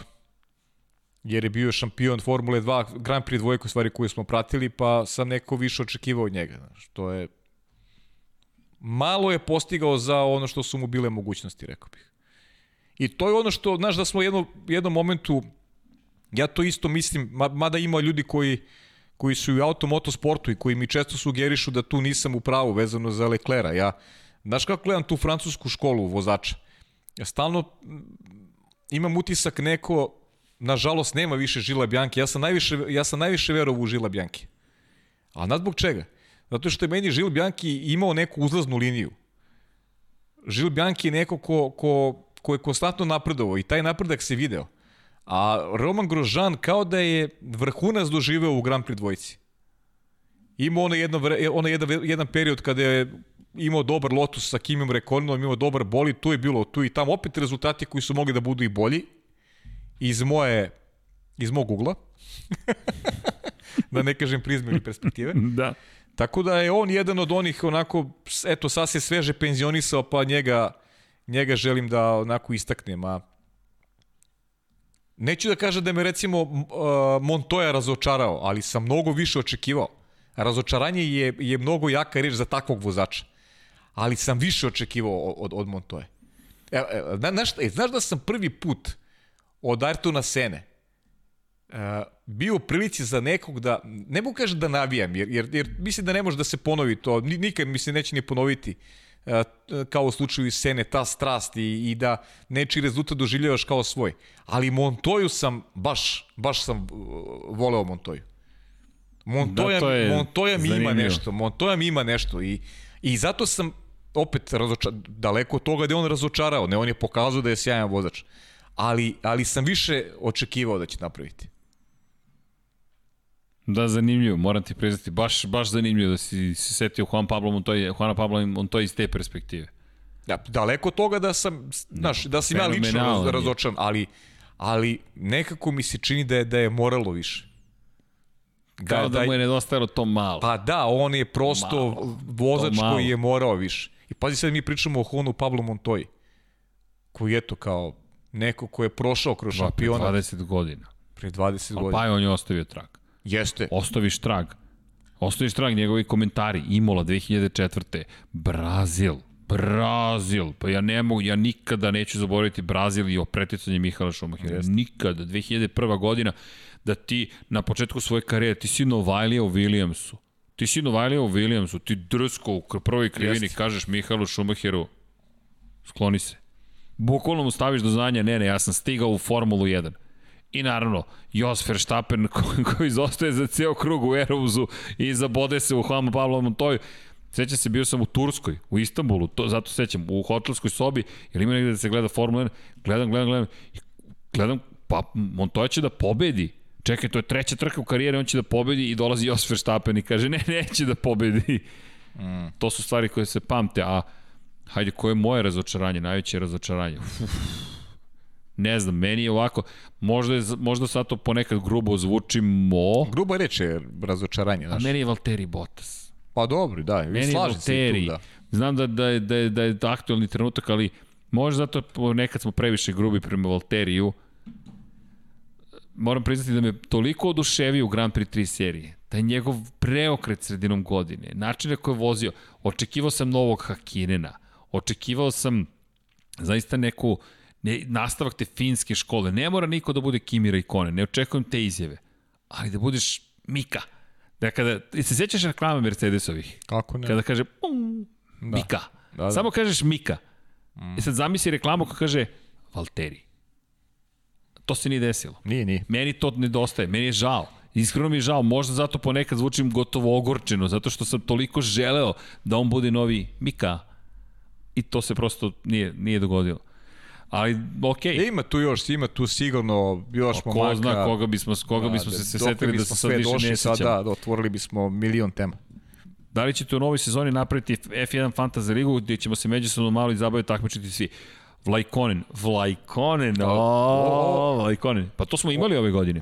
Da znate, postojala je zvanična liga Fantasy na zvaničnom sajtu Formula 1 koja je bila Sport Klub liga. To smo se takmičili, tako da, da, da znate. Si ti takmičio, ja ne znam. Jesam. Moram ti priznati da na kraju ne, nisam ni čak ispratio koji je rezultat bio, ali sport klub, fantasy, sad ćemo mi to da istražimo. Fantasy F1, šta kaže, Jeste se takmičili? Evo, evo, evo stavit ću i link. Dakle, Fantasy Formula 1, formula1.com i postavit ćemo link. Vanja, evo, zamolit ću tebe da postaviš link za Fantasy Formula 1, da vidimo gde se ko našao na kraju sezone, ali igrali smo, igrali smo i za MotoGP, da znate. Ne znam da li ste se bavili time. Šta kaže u celoj ovoj priči Fantasy? Ej, pazi, to je dobro pitanje. Tako da znate, hoćemo, evo da potvrdim. Samo ćemo vam poslati sada link i da vidite u kojima smo ligama sve to bili i čime smo se bavili. Ovo je Sport klub. 221 igrač. Evo, Vanji šaljem, pa će Vanja da sad postavi to na sam kanal da vidite šta se sve dešavalo. Evo ga. Eto ga. Da, da, inače na kraju sam imao 2827 pojena, pobedio je Honda Racing F1 Team, Stefan S. Kogod da je mm. Stefan S, čestitke s naše strane, svaka čast. Ali ozbiljno, svaka čast za, za pobedu. Eto, 221 igrač je učestvovao u celoj priči i eto, zabavno. Ja sam bio na kraju 36. Pa dobro, nije loše. Dobro, A znaš koga sam izabrao za turbo vozača na početku godine? Koga? Imaš jednom pravo da pogodiš. Pazi, razmisli o prošloj epizodi i ovoj epizodi, sve sam ti rekao. Ne znam da sam spreman da razmišljam. Aj, molim te, pokušaj, pokušaj. Pazi, toliko je očigledno da, da je, da je, je malo banalnog. Serhija. Tako je, Sergio Perez izabran na početku sezone. Bravo. Koja vam je, uh, pobeže mi, koja vam je najupečatljivija osvojena titula od 2010. do 2020. Najupečatljivija osvojena titula? Zanimljivo pitanje. A šta znači u najupečatljivije? Hm, pa koju možda mi najviše pamtimo? A koju mi pamtimo? Od momenta kad smo mi krenuli. Tako je. Pa, od, pazi, od 2010. se navodi, ali ajmo od 2011. pošto smo tad počeli da komentarišemo. Da.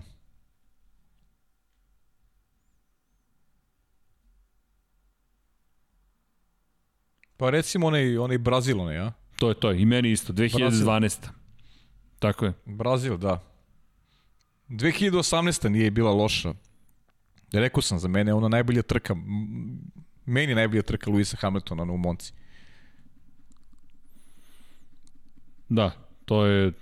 Fantastična njegova trka i gde je pokazao kakav je šampion, mislim, znaš, mi sad pričamo... To ti, da, pa to je šampionska o, o, pričamo trka. o dominaciji Mercedesa, ali ima toliko lepih trka koje je Luis odvezao u tim direktnim duelima da je pokazao da je da je šampion, mislim, nema, nema ne, mislim, nekad zvučimo kao da mi to nešto sporimo, ne, taman posla, ali samo iznosimo činjenice, ne možemo pobegnemo od činjenice.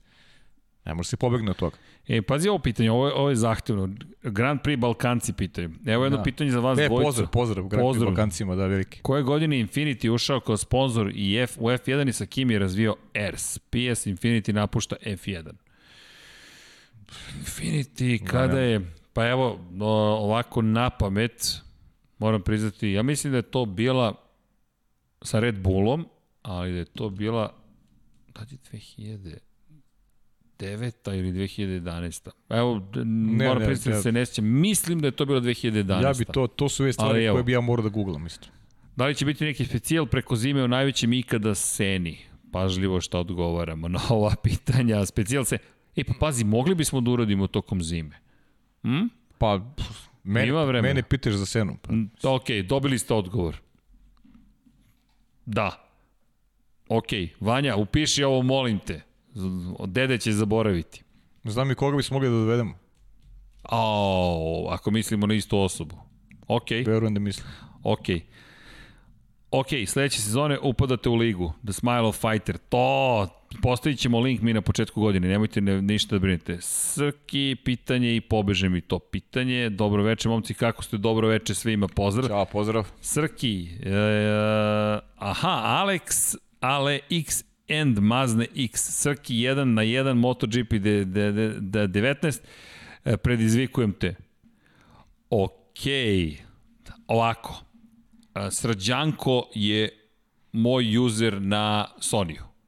Dok ne promenimo Serceg. Serceg već imam, ali na drugom nalogu, taj za Ameriku, ovaj za Veliku Britaniju. Srđanko. Oh, pa vidi, to su te kombinacije, ne, ne moraš, moraš da praviš više e, naloga. Dobro, okej, okay, okej. Okay. Tako da, Srđanko, ale X and Mazda X, čekam taj izazov i to ćemo na Twitch da pustimo da igramo, ali moramo samo da Sony ubacimo ponovo u studiju na kraju univerzuma. Može? Eto. Dobro večer, momci, to smo rekli. Znamo da je Zapaju najveći sena. Po tebi, srđane, ko je najveći svih vremena? Meni Schumacher kaže Teča ili TC. Sad, ne znam, ne zamerite. Ko je najveći svih vremena? Uf. Ja sam si izjasnio da. Ja, ja, znate da sam obožavao Nigela Mansella. Najveći svih vremena. Uf. To je tako, to je nemoguće pitanje. Najveći svih...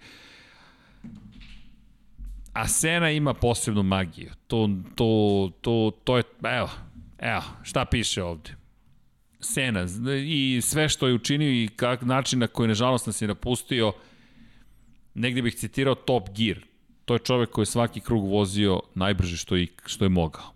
I to mislim, je najbolji mogući citat. To je ono što po meni ga čini eto, najvećim svih vremena. Da, ne, ne govorimo o rezultatima. Schumacher šta je postigao, Sena nije postigao. Hamilton šta je postigao, Sena opet na jedan drugi način nije postigao. Ali ta vrsta, to je lični stav, to je, to je euforije koju, sa, koju budi Sena, voleli ga, ne voleli ga, je nešto što ga eto čini posebnim, ali mislim da izaberite svako svog najvećeg. Ma naravno, sve to, to, je, to je sve, sve to individualno, okay. sve, da, sve je okej. Okay. Sve je to okej. Okay. I ono što si rekao, to Top Gear, dakle, zaista najbolja moguća konstatacija.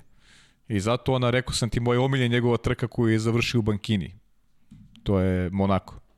I moment kad Juri prosta da ga pobedi za ceo krug. To je to.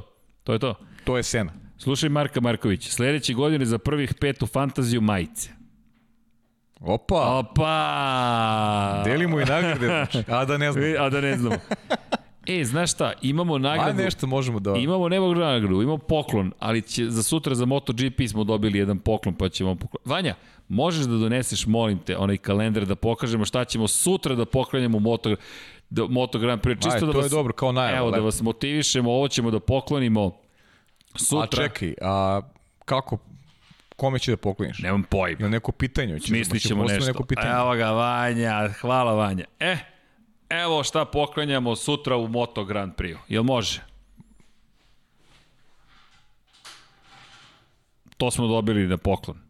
Imamo tri komada, jedan je već otišao put Slovenije, došao nam je gost iz Slovenije i rekao, molim vas ljudi, molim vas, mi smo rekli, ok, kada nam dođe gost prvi put, ok, dakle, Monster kalendar za 2021. dobijate sutra u Moto Grand Prix, pošto ima veze sa Moto Grand Prix. Ja se nadam da je ovo u redu i da ćete biti zadovoljni kalendarima. to smo dobili ljudi. Svaki mesec je dobar, mora se. dakle, eto, da znate, tako da budite uz Moto Grand Prix podcast sutra i pratite. To smo dobili od naših drugara.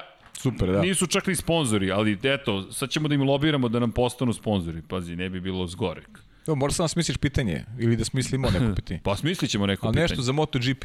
Nešto za MotoGP. Mogu da. bi ti da dođeš, dođeš u taj MotoGP, ja da ti kažem. Pa, Tražite ljudi. Znam, Nema ali, veze da li nekom, znaš ili nekom ne znaš. prilikom, ajde da... Pazi, znaš da... Zna, znaš da pripremamo sada okay. ovaj, dosta toga kada je... Eto.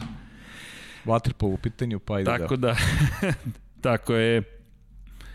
Ode monetizacija. Isključili na monetizaciju, ne znam zašto, ali eto.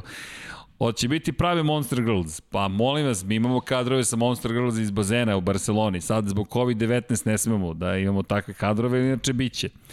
Možete da urgijete da SK pušta stare trke iz 2012. Evo, mi ćemo probati. Pitaćemo, da. Aca Ristić, pišem ti već četiri nedelje na Facebook, šta misliš o BMW-u? Ljudi, ja se zaista izvinjam za Facebook. Ja sam Facebook, ne mogu reći odustao da koristim, ali Facebook Messenger više nije na mom telefonu, to je postalo gotovo nemoguće. Ja sam pokušavao da odgovorim, ali ne, nemoguća misija. Ne, nemoguće misija, ja sam morao na kraju da isključim Facebook Messenger, jer toliko notifikacije stizalo. Tako da, Aco, ja se izvinjavam, ali šta mislimo o BMW-u kao dobavljaču motora 2022. Audi i Porsche idu u LMP1? Bojim se da to se neće desiti. Da, da, takođe. Ljudi, prekasno je sada, sada danas, ovog, o, ove večeri da počnu da razvijaju motor BMW-a, već kasne već kasne, ne za 2022. možda čak i za 2023. Pre Porsche ima šanse da nešto razvije, tome smo pričali jednom prilikom, na osnovu svog motora iz LMP1 kategorije one prethodne, dakle iz hibridne ere, Dakle, da uzme taj svoj V4, oni imaju na stolu V6 uh -huh. za Formulu 1. Oni su testirali taj svoj V4, pretvorili ga u V6 i rekli da vidimo da li on može da se koristi za Formulu 1. Oni bi mogli. BMW Nažalost, nažalost ne. Tako da izvinjam se još jednom. Da li je Alonso s kojim slučajem otišao Red Bull, da li bi ugrozio Maxa i uz približene bolide Red Bull i Mercedesa do titule? Uf. To je... Hipotetičko pitanje. Da, dosta teško. Teško odgovoriti. Teško. Evo, pustite Španiju 2016. i ne morate više ništa. Rekao bih da neko ovde ne navija za Mercedes. Da prokomentarišemo Gaslija. Nije ni Instagram strki. Evo, odgovorit ćemo i na Instagram. Ljudi, verujte, dakle, nemoguća misija je trenutku postalo. To, to, ja, ja, telefon... Ne, ti si da, ti ne, si baš aktivn. Ja iskreno ti kažem, postižem. znaš, ne, nekako sad, eto, ušao sam u taj proces, pa neka pitanja stignem da odgovorim ovaj, na, na, na Instagramu, ali trudimo se, eto. Ako ti ne stižeš, ne znam ko stiže. Ne, ne, trenutno je stanje zaista takvo. Dakle, ne, ne volim opravdanje. Zvuči kao da, da, da, da, ali bukvalno mi ne stižemo. Zašto? Evo reći ću, o, o, ekipa Lab 76 nema mnogo ljudi. Da kada, kada bismo sabrali, možda pet ljudi radi sve. Bukvalno, kada vam kažemo sve, od špica, preko najava, snimanja, kadrova, opreme, scenografije, transporta, svega, uključujući i ljude za ovim stolom, to se svodi manje više na pet ljudi. I volja nam je ogromna, želja nam je takođe velika, ostvarujemo neke svoje snove, nadamo se i vaše, međutim ideja jeste u, u, u, u nama bila da, da stvorimo ono što mi sanjamo, Samo ponekada ne možemo da postignemo sve što bismo želeli. I, i ne, zaista se izvinjavam, potrudit ćemo se da se to poboljša. S druge strane, COVID-19 nas je potpuno, potpuno usporio. Usporio nas je toliko, ružno mi je da govorim koliko ljudi se razbolelo koji pokušavaju da nam pomognu, ali mi manje više svake nedelje nekoga o nekome, neću da kažem mi nužno vodimo računa, ali nekome s nekim se dopisujemo ko je deo spoljni deo ekipe koji je rekao ja ljudi ne mogu da pomognem, bolestan sam, porodica, grozno je vreme, grozno je vreme. Ni, samo zato stalno napelujemo, čuvajte se, Međutim, mi nećemo da ustati, to je ono što vam garantujem. I odgovorit ćemo na sve poruke i komentare. Sve ćemo to da uradimo, samo nažalost vreme je takvo, ne dopada nam se kakvo je vreme, mi se trudimo da ovde bude što manje ljudi, to je pravilo prosto, poštujemo, nas dvojice se trudimo da budemo na, na, na, na, na adekvatnoj distanci, Tako da eto, ne, ne zamerite. Da prokomentarišemo Gaslija, a car, eto, ako može kolokvijalno. Jeste, zaista. Carski je odvezao deo sezone. Da, na odlič, kraju odlič. bilo tu problema, ali realno pobedio si u Monci. Volim kako se promenio stav, recimo, u odnosu na prošlu godinu. Jest. Kako je sam uradio to da se promeni stav o njemu i je tu upisao pobedu, nagrađen je. Znaš, to je ono kad te, kad te, kad te puste niz vodu, znaš, tu se vidi karakter. Da li ćeš da plivaš i da isplivaš tamo gde želiš ili ćeš da pustiš da te voda nosi. E, Gasli je neko ko je plivao, plivao, borio se i, i izborio za neki svoj status. Sada će Vidiš kako na kraju mnogo, Albon u mnogo težoj poziciji nego, nego, što je, nego što je Pierre Gasly. Albon koji pitanje kada će se vratiti uopšte i da li će imati sedište u Formuli 1 u nekom narodnom periodu. A Gaslyva budućnost je onako, rekao bih, izvesna. Pa jeste. Nešto se smeješ, neko Smijem se, izvini, izvini, otvori na malo srki kalendar. Otvorili smo kalendar, sve smo. da, e, inače, ne, pa mislim da ali, će, da, kalendar je... Znaš šta se desilo izgleda? Monetizacija, pošto je family safe, i onda se isključila monetizacija kada sam pokazao šta ti je YouTube algoritam, ali, da, da, da. ali ništa nismo pokazali što, što je nelegalno, ali okej. Okay. Da, inače dobili smo valjda jednu od monetizacija, propustili smo to pre par nedelja, super sticker ili nešto od toga. Evo tako. Vidi, pa je učimo i mi, Dobro, to smo da. već rekli. Kako će izgledati Suzuka sledeće godine kada se desi da je Cunoda u bolidu Alfa Tauri? A, i to će biti zabavno. Samo neka mi postimo Suzuku kako god, s publikom ili bez, bit će fenomenalno. A zamisli ako dođe japanska publika. Od Kamuje Kobayashi, koji je treći bio, to smo pričali 2012. Jeste. u Zauberu, nismo imali japanskog vozača u, u, u Suzuki. Kada spomenjemo Suzuku, ovo je super uspomena. Suzuka i Senina vožnja NSX-a u brodaricama i belim čarapama, Boris Trutin. Čekajte, Svi smo imali taj jedan čudan styling, to su 80-te, pa, ne zamerite, 90-ih. Zato nemamo stare slike. Brodarice spali, spaljene su.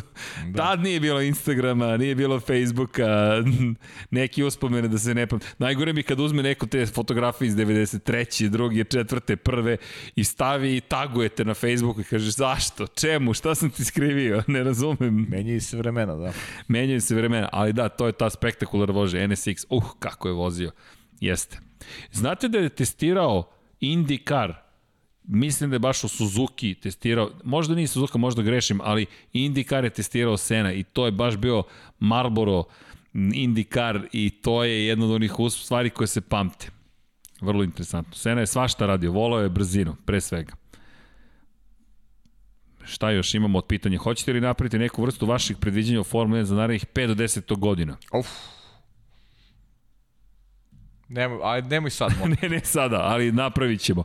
Pajo, za koga navijaš u Moto Grand Prix? Za Valentino Rosija. Čekajte, da li, da li ne znate to? Evo, evo taj osmeh na licu. Šta mislimo da li Francuzi razmatraju da vrate manji kur umjesto Paul Ricarda? Mislim da se to neće, da, neće dogoditi. Neće. Po, manji kur je lepa staza, ali se nalazi manje više u nedođi. I to je najveći problem. To je 300 km od Pariza, ali nalazi se u ruralnom delu Francuske i ozbiljno je to bio problem i u najvećim danima slave Formule 1 da se, da se publika nađe na manji kuru. To Šteta. u varijanti da nema publike, pa Pa eto, ali, da, mislim da, da, da A se i niko tako, neće i tako je desiti. teško prihvatljivo. Koja je trka gde ste kopirali britanski komentatori i dobili, dobili komentar nekog gledalca koji nije baš bio zadovoljan? Ka, kako? Koja je trka gde ste kopirali britanski komentatori i dobili komentar nekog gledalca koji nije baš bio zadovoljan? Da smo kopirali britanske komentatore. Evo, Stefane, mi molimo za dodatno objašnjenje Ja stvarno nisam kada razumeo smo pitanje. kopi, kopirali. E, to je, to je, postoji, e, neko je to postavio kao pitanje, da li mi imamo vodiča u slušalicama, to jest da li mi čujemo strane komentatore kada Ne, ne, komentarišemo. ne. Nikada za ovih 10 godina. Evo, evo vam odgovor. Dakle, jedino što dobijemo, inače mi možemo to da tražimo, ne u Formuli 1, u Moto Grand Prix-u, Sada smo posle vreme smo imali priliku da, da dobili smo čujemo režiju na režiju, da. da prvi put da režiju. smo dobili režiju u 10 godina prenošenja. Tako je, tako je. Da smo dobili signal režije. Šta vam govori režija u, u slušalice? Ide početna špica za 5, Jeste. 4, Tako je. 3, E, Dva, Start, jedan. start za start za 10, za 5 minuta, tako je. 2, 1, e, eto, to, to, To, je, to vam je režija. To je režija. Repriza tog i tog kadra. Mi to inače nemamo za ovih 10 godina, mi čujemo isto što i vi čujete. Tako da, Stefane, Sve isto. Ako možete da zamolite gospodina ili bilo koga da pita, to je mit. Ako neko želi, rado ćemo ga pustiti u kabinu sport kluba kada prođe COVID-19. Za Moto Grand Prix mi imamo opciju da pustimo sebi komentatore sa E, MotoGP.com. tako. Da, da, imamo tu opciju. Odgovor je ne. I reći vam koja je naša filozofija. Gospodin Aleksandar Đankić i mene, ne, mi nismo papagaji. Dakle, pojnta je vrlo jasna. Znam šta znam i to Da. što znam to ćete dobiti. Ako ne znam, nisam se spremio ne da zaslužujem da radim taj posao. Bukvalno ga ne zaslužujem da ga radim, tako da mi to ne radimo, ali eto, Dobro, Stefane, za- za- sam odgovorio. Za nešto što čovjek nije upućen nekad, to bi, to bi značilo, ali nisam ni razmišljao nikad zaista o Formuli 1 i da imamo mogućnost sada je ne, bi, ne, bismo, je, ne bismo, da kažem, koristili tu mogućnost. Potpuno Vr- nepotrebno. vrlo je bilo jednostavno. Nismo imali mogućnost. nismo imali mogućnost. Nismo imali mogućnost, da, nismo ali imali ni tako je, mogućnost. tako je. Tako da, Stefan, eto, nadam se da smo odgovorili, ali eto, ne, Ako ne znam ni sad ni bilo koja je pitanje, trka. Ne, M- Možda da, možda eto, pričao si nekom predanju kao motivator da ste pokušali da kopirate, dokažete da niste najbolji. A, ne, ne, ne, ne. To je druga priča. Nismo mi, nije, nismo mi slušali britanski komentator. Aha, pričao si nekom predanju kao motivator da ste pokušali da kopirate dokažete da nisu bili najbolji, pa ste namjerno htjeli da dokažete da nije tako, ne, ne, tako, da, tako je, ne da se kopira. I nisam pokušao da dokažem da britanski komentatori nisu najbolji, već da da, da, ajde, možda sam se, ako sam se tako izrazio, to je, to je pogrešno. Hoću da kažem da ne treba niko da kopirate. Budite autentični, šta god da ste, to ste što ste.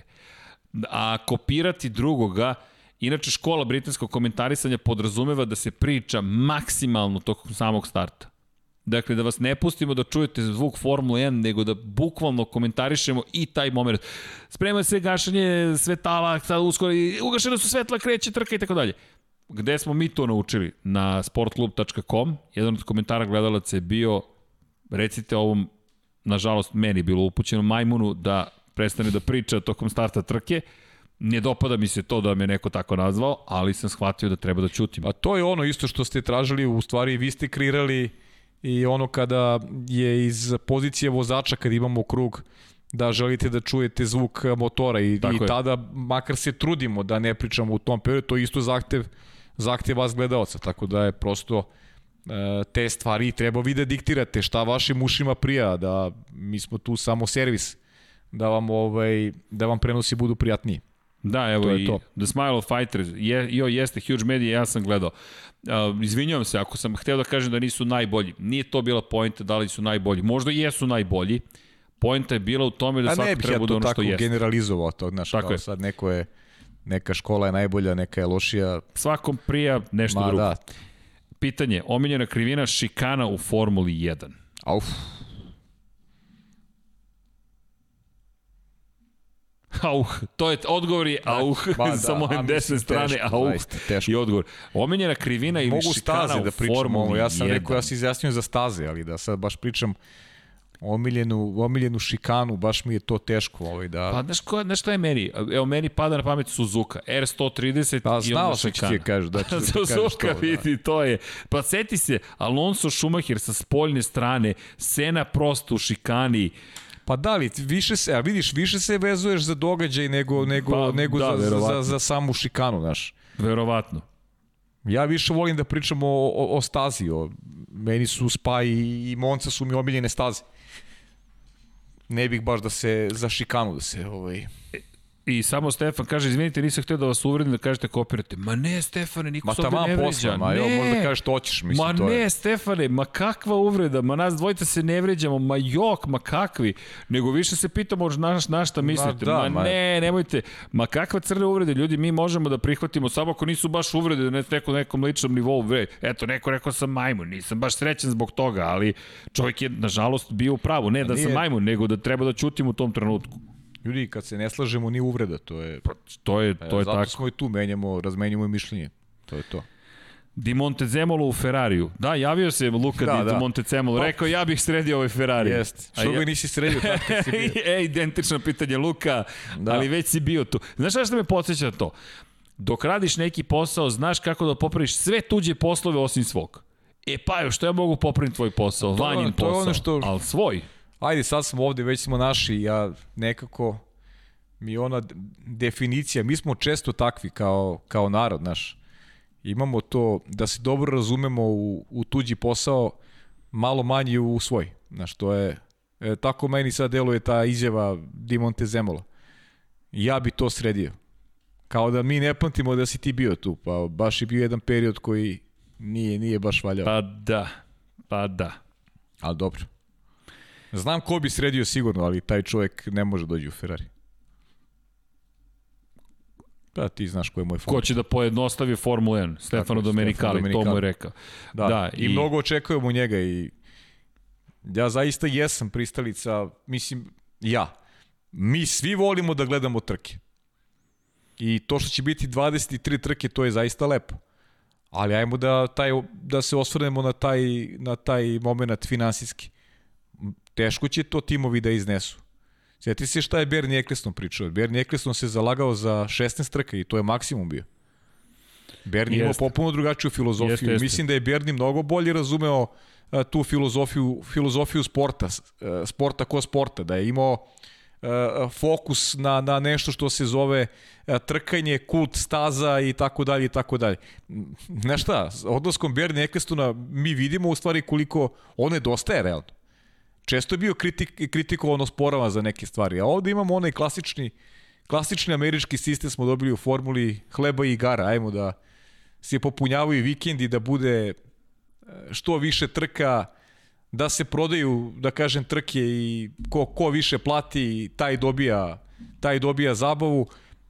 Kažem ti, i kada pričamo o samim trkama, o, o šampionatu, mi smo srećni to ćemo da radimo 23 trke. Ali koliko je to sređene realno? Kako će to da utiče na, na, na, na taj neki ekonomski sistem, da kažem, budžet e, timova koji su učesnici ovog šampionata?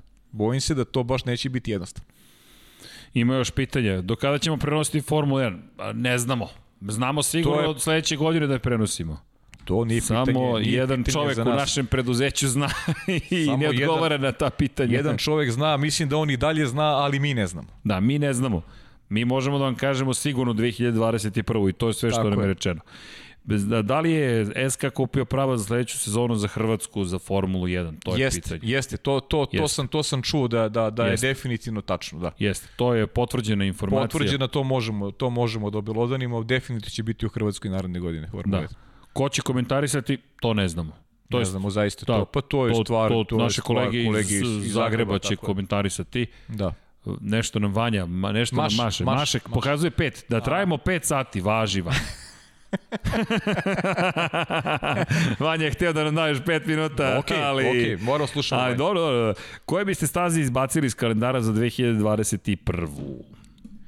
Za 2021. Hm. Pazi, ulične se ne... Može pitanje bolje koje bismo ubacili. Lako da. nam je da izbacimo, ali ja bih volio Sahir ponovo da se vozi, bez obzira na sve. Ja, ja mislim voleo. da je bila toliko zanimljiva i uzbudljiva trka i da, da smo zaslužili takvu Formulu 1, to je bilo preticanje, preticanje, preticanje. Jeste malo bilo NASCAR stila, ali to nam ni nedostaje, rekao bih. Malo, tako malo te vrste pa, zabava, duela. Zabava, duel. Baš je bilo agresivno. Vozačima baš nije prijelo. Mnogi su kritični bili prema stazi i rekli da je mnogo opasna. Mi smo uživali, nama je bilo, nama je bilo lepo. Tako da ne bih se izjašnjavao o tome. Rekli smo, ja ulične, ulične staze generalno ne volim i Pita, izvini. Ajde, idemo, idemo. da, Hutović, su... imali šanse za intervju sa Tinom Beganovićem? Da, poslali smo. Mi smo poslali zahtev Dinu, međutim, to sad zavisi od Ferrarijeve akademije, tako trkačke. Tako, tako da čekamo. Mi se držimo palčima da ćemo dobiti priliku da pričamo. Andrija pita kada očekamo povlačenje Hamiltona. Moram da promenim moju izjavu. Ja sam očekivao da će se penzionisati, to je prebaciti u Formulu E, Sada sam skeptičan, pošto je Formula 1 dobila nekoliko žestokih udaraca, tako da ne očekujem pre 2026. bukvalno da će se penzionisati. Ja sam rekao da će, da će Hamilton da traje, nema razloga, da ne traje uspešan je uradio je sve što je sve što je sanjao kad je bio kad je bio klinac.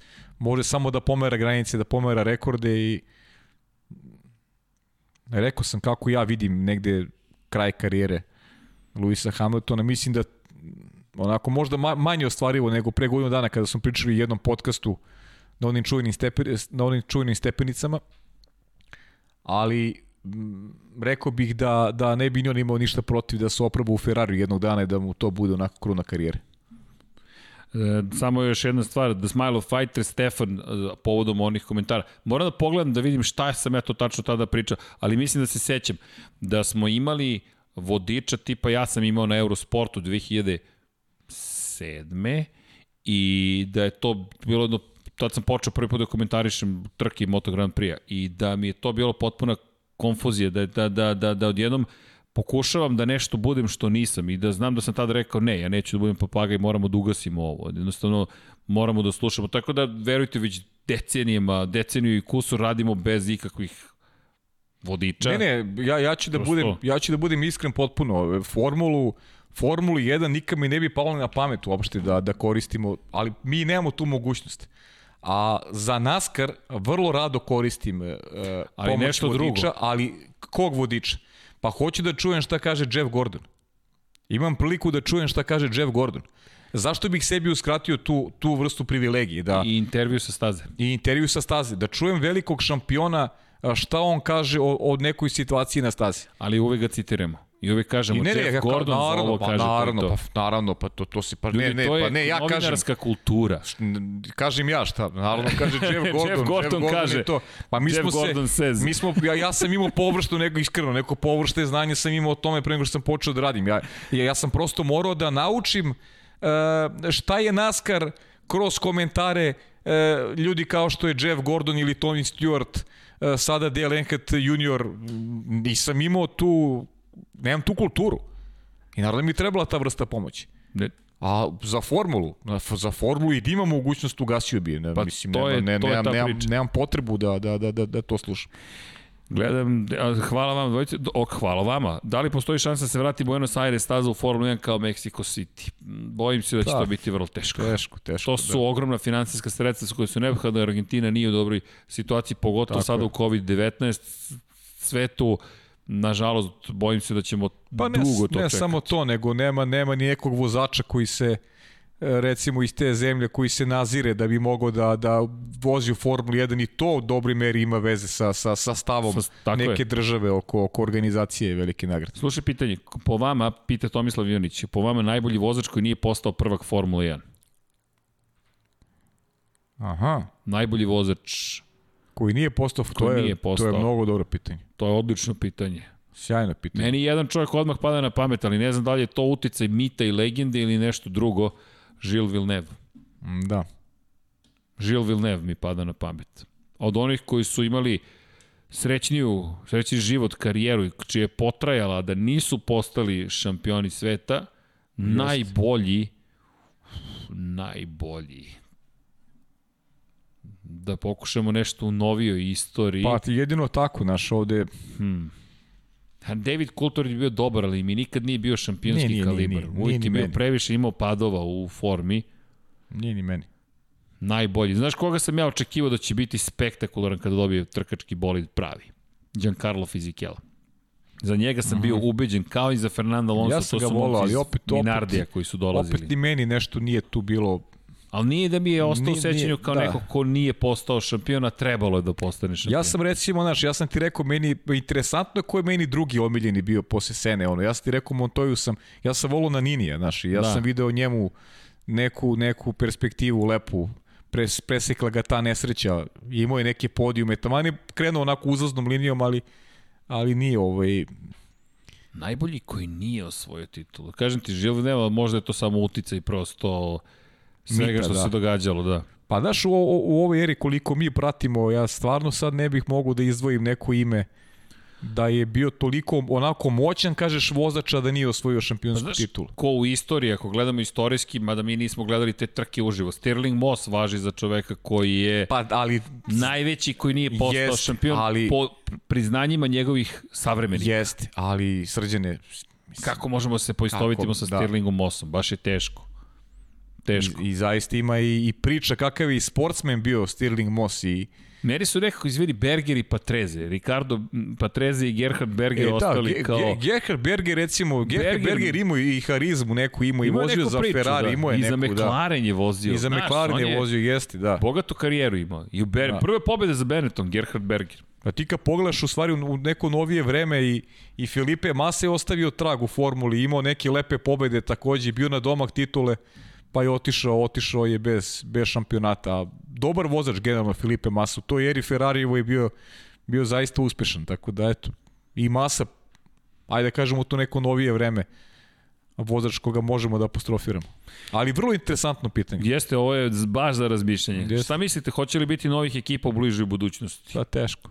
Te, vrlo teško. Negde se, smo se nadali da će ograničenje budžeta na 145 miliona dolara, pa 140, pa 135 u naredne tri godine dovesti do, do većih broja timova. Problem je ova, ova katastrofa koja nas je sve zadesila. Pošast, bukvalno koja nas je zadesila. Ali ima, ima srđene i druga stalna medalje. Znaš, ti sad omogućiš nekom da uđe, manji su budžeti, omogućiš mu da uđe u formulu, ali znaš, treba vreme da se kreira nešto se zove dobra ekipa, ljudi koji će da, da, da naprave jednu organizaciju koja može da, da privuče i sponzore, da dalje napreduje. Mislim da je ovaj period je baš težak za, za, za, za tako nešto. Mislim da će morati sačekamo malo malo više, malo duže da da bi se pojavio neki, neki novi tim koji bi mogao da ima utice na ovaj sport. Ako neko ima reklama mala, PS4 igra Formula 1 2020, Radule, donja crta 02. Ponovit ću. Radule, donja crta 02. Ljudi, spojite Pošteno. se, to je Tako super je, stvar. Jest. Igrajte se, takmičite se, to je to je poenta cele priče. Dino pita, da li pratite rezultate Dina u italijanskoj Formuli 4? Vaše ili Dina Beganović? Šalim da. se, naravno. Dino, ne zamerite. I vaš komentar na trećem mestu u generalnom plasmanu. Ma, fenomenalno, ostvario je prve pobede ove sezone Dino. Mi ga pratimo i negde zahvaljujući i vama i vašem interesovanju i da ne želimo da ga pratimo, a želimo, pratili bismo ga sve jedno. I fenomenalna je njegova priča. Mi mu držimo palče da će napredovati, pratit ćemo ga i da ćemo i dobiti intervju i da ćemo doći u situaciju da pričamo o Dinu Biganoviću kao novoj zvezdi Formule 3, Formule 2, međunarodne, svetske i naravno jednog dana nadamo se i Formuli 1. Pitanje, momci, ako je 76 prva staza, predlog za drugo je 42. Može, smisao života, univerzuma i svega ostalog. Hvala Branko, poslažemo se. Zatim, šta mislite, da to smo rekli za nove ekipe, da li se sećaš Pajo Tonija Stewarta? Kako ne? Kako? Da li se sećaš poslednje pobede Tonija Stewarta? Sećam se, radili, je ostalo? radili smo je zajedno. Zajedno smo je radili. Šta je ostalo Denija Hamlina? Od, od branika i automobila Denija Hamlina, da. pa ne mnogo. pa Toni Stewart sada vodi u stvari ekipu Stewart Haas Racinga, on je taj koji je koji je glavni čovjek u timu i timu pravim rukama. Evo pitanje za mene. Srđane, sećam se da si sve vreme bio protiv uđenja DRS-a. Zašto i da li se stav promenio? Ostajem pri stavu da treba ukinuti DRS, da nije trebalo ga nikada uvesti. Drag reduction sistem, sistem za umenjanje aerodinamičkog otpora, pod zadnje to krilo koje Pot, se promeni, to jest podigne i smanje aerodinamički opet poveća maksimalnu brzinu. Vrlo jednostavno moje razmišljanje. I, I ovo čak nije moje razmišljanje. Slušao sam inženjere Formule 1 i aerodinamičare koji prvi put kada se spomenuo DRS, kada su izgovorili, čak ni, nisam ni mogu da oformim neko ozbiljnije mišljenje od toga, hvala im na tome, a to je sledeća stvar. Ako uvedete DRS, ponestaje potreba da na drugi način rešavate problem preticanja. Jednostavno, ne postoji razlog da se time više bavite. Imam DRS, uključim DRS i to je to. I bez obzira što ulazim u DRS vozić, Formula 1 uvek mogu da kaže, ali imamo DRS, imamo 2, 3, 5, 8, 10, 12 DRS zona i sada je sve super zato što imamo DRS. Ne, to je veštački način da stvorite uzbuđenje. Mišljenja sam da bi svi bili primorani, da bi sama Međunarodna automobilska federacija mnogo ranije morala da reaguje, da kaže čekajte ovde nešto ozbiljno ne funkcioniše, jer DRS je kontraproduktivan. Onaj ko vodi ceo taj vozić, on je jedini koji nema DRS. Svi ostali imaju DRS. I šta, šta se događa? Njega je teško preteći. Ovi iza, nemaju šanse niko nikoga da pretekne. Ja im, ova ima DRS, ova ima DRS, da. ova ima DRS. Zapravo, na kraju niko nema DRS, pošto ga svi imaju. To ja. je ono čuveno. Kad vam šef dođe i kaže, e, srđane, prioritet je ovo, ovo, ovo, ovo, ovo, ovo i ovo onda ništa nije prioritet. Ja sam u startu bio zagovornik zato što u, u baš to u nedostatku uzbuđenja, da. To me sam i pričao, ali sve što si rekao potpisuje, nema šta se doda. Da, i videli smo nažalost, ali ljudi, to je opet to razmišljanje, neko je rekao, dobili smo rešenje i eto, vidimo pa da, već 10 godina se videli su, Da, videli su ljudi kao, eto, ajde malo da bude zabavnije, prosto nisu smislili ništa pametnije. Ide, ima, ima, ima, ima, ima još, pa ima koliko hoćeš, samo gledam, pa, malo gledam Vanju, Vanja će da nam, ej, nisam se obrio, reci. A nije pa, Movember, kao pa, opuštenje podcast danas, dobro, danas da, već ne moramo da budemo toliko formalni. Ja. Ove godine kraj finaca u Formuli 1, pa držimo palčeve da će biti nekih novih finaca, ali činjenica da finska škola baš i nije trenutno toliko bogata. Čak pa kad pogledaš, kad pogledaš Formulu 2, Formuli 3 nema ih. Ne, nemamo, nemamo. Malo to je, to je lepa Malo se promenila kultura. Žalostno. Ima dosta iz Australije, Novog Zelanda, znači iz Okeanija zastupljena i u Formuli 2 i Formuli 3. Česi dosta ulažu. Da. Česi dosta, dosta ulažu u automoto sport. Imamo onog uh, malog stanjeka koji se, koji se takmiče u Formuli 3 i stoji češka država iza njega. Vidjet ćemo kako će, kako će napredovati stanjek. Tek se pojavi, ima 17 godina, ima klinac. Gledat ćemo ga i naredne godine u Formuli 3, tako da Eto. Možemo da pričamo o tome još, ali ajde neku drugom priliku. Idemo dalje. Pitanje. Da, sutra Moto Arriva Ben ili, Mo, ili Binotto, ko je lošiji po vama, po vama, ko se po vama lošije po vama proslavi u Ferrari? Pa, ne, iskreno nemam ovaj, nemam neku nemam neku mišljenje o tome ko je lošiji prosto. Da, da, da nisu postigli. Čujte, ne, u Ferrariju pa i bilo gde drugde, ali pogotovo Ferrari. Ako ne uspete, ne pobedite. Kod ništa drugo, Riva Bene ima neku harizmu, imao je neki, neki nastup, imao je, ne znam, Binoto mi je, bin, bin, znaš, Binoto je šta god da se dešava onako identični izraz lica, nešto, i da li je pobojda, da li je, da li je deseta pozicija, eto, meni nedostatak nekih, ne znam, nema, nema neku emociju, nešto, ne znam. Dema pita... Pričamo sad onako lično, pričamo da. onako malo, A, sad je više to neko razmišljanje onako na nivou video sam čoveka pa mi smeta iz ovog ili iz onog razloga. Nemamo neki jasan stav generalno. Slušaj, Bene, izvini, ovo pitanje. Stefan, McLaren ispred Red Bulla i Ferrarija sledeće sezone. Pa nije nemoguće u saradnji hmm. sa Mercedesom. Nije nemoguće. Vidi, Nije Ako, koliko da. slože taj bolid kako treba, da, to bi to je do, dobro pitanje. Yes. Dobro pitanje. Komentar na izjavu Helmuta Marka da je Perez doveden u Red Bull zbog poznavanja Mercedesovog motora. Čujte, to je toliko kompleksan motor da ja ne znam šta Perez može da im kaže. Može da im kaže kakav je odziv motora i kako funkcioniše, ali oni to već vide, oni imaju, oni imaju GPS podatke, oni imaju il, global positioning il, system. Ili vi mislite da Adrian Newey ne zna kako funkcioniše Mercedes motor? Perez će im Treba dati... mu Sergio Perez da bi mu rekao. Pa malo toga može suštinski, da ljudi, to je toliko kompleksno. To su stotine inženjera koji rade na tome.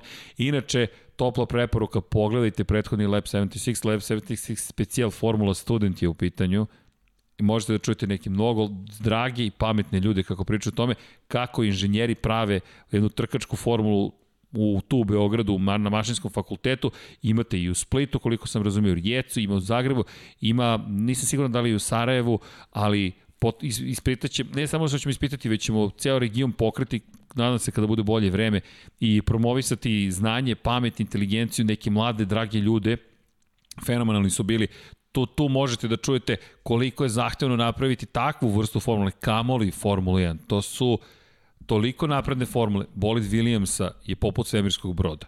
On samo izgleda sporo i samo je sporiji u odnosu na Mercedes ili Red Bull, ali je spektakularan bolid i dalje u pitanju. Kako može da se reši po problem što nema nijednog vozača sa Balkana u Formuli 1? Vrlo teško. Nikako. Ne, pa, neće, pa je neće, tu surovi od neće mene. Biti, da. Neće biti ni dalje. Čujte, mi smo, sve zemlje zajedno ne predstavljaju tako veliko tržište. I još jedna stvar, nemamo takve veze u pa, automotosportu. Čak i kad bi se udružili oko ideje, ajmo svi zajedno da jednog vozača izguramo opet, to bi bilo teško. Znaš kako? Sad ću ti reći. Da citiram Miksu, sad ću ti kažem kako. sad ću ti kažem. Lab 76. E, tako ćemo. E, ima da postanemo deo Međunarodne automobilske federacije. I onda kada dođe pitanje, kažemo, e, sada da pričamo malo o regionu Balkana.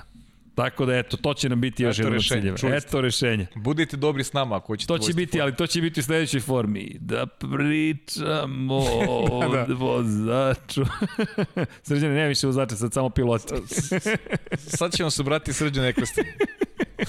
Ej, može, to ti je dobro, ali dobro. Da, da li možete da organizate neku karting trku? Hoćemo, samo opet, cijela priča, da se normalizuje malo ovo vreme, da je normalniji, verujte, već bismo organizovali, proslavili bismo novu godinu uz, uz vožnju. Kako se jednu trenutku ponada da će Mihael... Do... Da, jedno pitanje, da li bismo, kako bi bilo slušati da komentarišu Sena i Schumacher današnje trke Formule 1? Da, pa bilo bi sjajno. Au. Pa to ono što sam rekao, što imamo tu vrstu privilegije da, da u Naskaru slušamo kako Jeff Gordon komentariše trku. Eto, to je nešto što je zaista privilegija. Pa samo bismo citirali, Schumacher kaže, Sena kaže, Schumacher kaže, da, Sena da, kaže. Da, to, to, šteta, tu, šteta. Tu mogućnost bi koristili da čujemo, naravno. Jer... Naravno. Šta mislite na izbor Ikona će bolidi 2022. biti do 4 sekunde sporije po krugu od bolida 2020. Pa, pa moguće, čujte, trenutni bolidi su iz te perspektive spektakularni. To su toliko napredne mašine, to su svemirski brodovi, mi obaramo rekorde koji stoje decenijama, godinama i žalosno je što možda se ne vidi dovoljno koliko su ovi bolidi moćni. To je ono što je Carlos Sainz spominjao, da mu kadrovi se ranih godina izgledaju zbudljivije nego sada i da nije, nije pravidno prema njima koji su tim bolidima. Ali uzmite obzir sledeću stvar. Bolid iz 2004. je ove razmere, bolid 2020. je ove razmere. Mi govorimo o kamionu praktično. Mi govorimo o teretnom vozilu u odnosu na one ja. male, agilne, super brze bolide. Onda kada, kada Schumacher ili Alonso skrenu u tom malom bolidu, to izgleda kao raketa, kao munja. Ovaj bolid dok skrene, on jeste super brz, ali to je rotacija, to traje. Da, fenomenalno se kreću, međutim drugačije to izgleda. Prosto nekako onaj bolid izgleda moćnije, a da ne govorimo o zvuku, samo uključite V10 i to je to. Samo kažete laku noć. I kada već spomenjamo laku noć, Vanja kad je čuo laku noć je spreman. Već te da se ugasi. Ljudi, da malo ste pričali o Hakinenu, da, malo smo pričali, jer možemo Aj, pričamo o mnogima. A vi da li ima nešto što možemo brzinski da odgovorimo da li, i...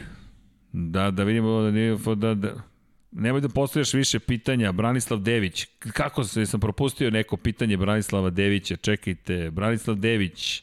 Radivor Radović, da, e da, bilo mi pitanje koliko bi se eno svoju titulu da... Aj, evo, pa. to je nemoguća misija, ljudi. Pa ja ću da vam kažem 10 odmah. Ali to je, se nikad ne zna, naravno. To je moje subjektivno. Navijačko. Da ovde izgleda da sam propustio nekog. Ah, Pajo, ko će u Alfa Tauri ako Cunoda ode u Red Bull, a Gasly u Alpinu 2022. Koje je vaše mišljenje? Ko će Alfa Tauri ako Cunoda da. ode u... Da u Red Bull. A Gasly ode u Alpinu. U, u Alpinu? Da. Pa ne znam, verovatno neko iz akademije. Možda neki klinac. Albon? Albon, da. Ima Albon, šta ćemo sa Albonom? Znaš, Albon, Albon je neko koji ima ozbiljan uticaj iz perspektive Bravo, toga što je iz Taj, sa. Tajlanda. Moguće. Alex Albon ne treba biti zaboravljen, on je rezervni vozač Red Bulla. Šta ukoliko eksperiment s Perezom ne upali? E da, eto, eto, eto mog pitanja, sa dodatnog. Šta ukoliko ne upali eksperiment sa, moram da se uključim na struju, inače nećemo više čitati ništa sa četa, šta ukoliko ne uspe ekspe- eksperiment sa Perezom? Svi smo već I nekako rekli sigurno uspeo Perez. Šta ukoliko ne uspe Perez? Hoće Albona da izvuku i kažu, e, ti poznaješ, znamo šta možemo od tebe da očekujemo. Postoji i opcija, naravno. Meni to deluje kao nešto što, što zaista može da se desi. Ali, Pavle, mi trajamo već preko dva sata, tu smo na 20 minuta, mislim da smo odgovorili, pročitao mi pitanje Boško Desančić, kaže, Boško, pa toliko pitanja. dakle, sutra ćemo se družiti na Moto Grand Prix-u, međutim, da se pozdravljamo za, za večeras, dva sata i koliko, Vanja? 20 minuta. A, ok, Vanja, ka, Vanja kaže, dobili ste i preko 5 minuta, ne vi, mi, mi, mi. Srki za kraj neku pesmu da odsviram. Ako krenem da vadim, da sad ovde pone, E, to će povezam gitaru, 20 minuta. mislim da će me bukvalno Za novu godinu, iz za novu univerzuma. godinu, ajde. Sledeće nedelje, samo da najavimo, 29. Deveti. decembra, družimo se novogodišnje veče, svirat ću, koliko se to zove sviranje, ali daću sve od sebe, temu Formula 1, zvaničnu, muzičku temu. Ako imate neku želju, eto, svirat ćemo nešto još slično tome. Sutra Moto Grand Prix, specijal o Marku Simončeliju, Lab 76 broj 58, naredne nedelje već broj 60 i 60, već je 60 i 61, pa joj ja ne znam kada pre, ali možda bismo mogli da napravimo sledeće nedelje objedinjeni novogodišnji Deki ti ja i Aleksandar Đankić negde će nam se možda pojaviti u etru kroz Zoom i pridružiti se makar Možda da to obeležimo nije novu loša ideja, da. Možda Kako ti to zvuči? Ideja. Da, nije loša ideja. Da. Ja mislim da je to dobro, da, da skupimo celu ekipu F1 MotoGP i zapravo da obeležimo godinu, da nazdravimo i da kažemo ok, ispraćamo 2020. da dočekamo 2021. da nam bude, da nam, da nam bude pre svega nekako zdravija.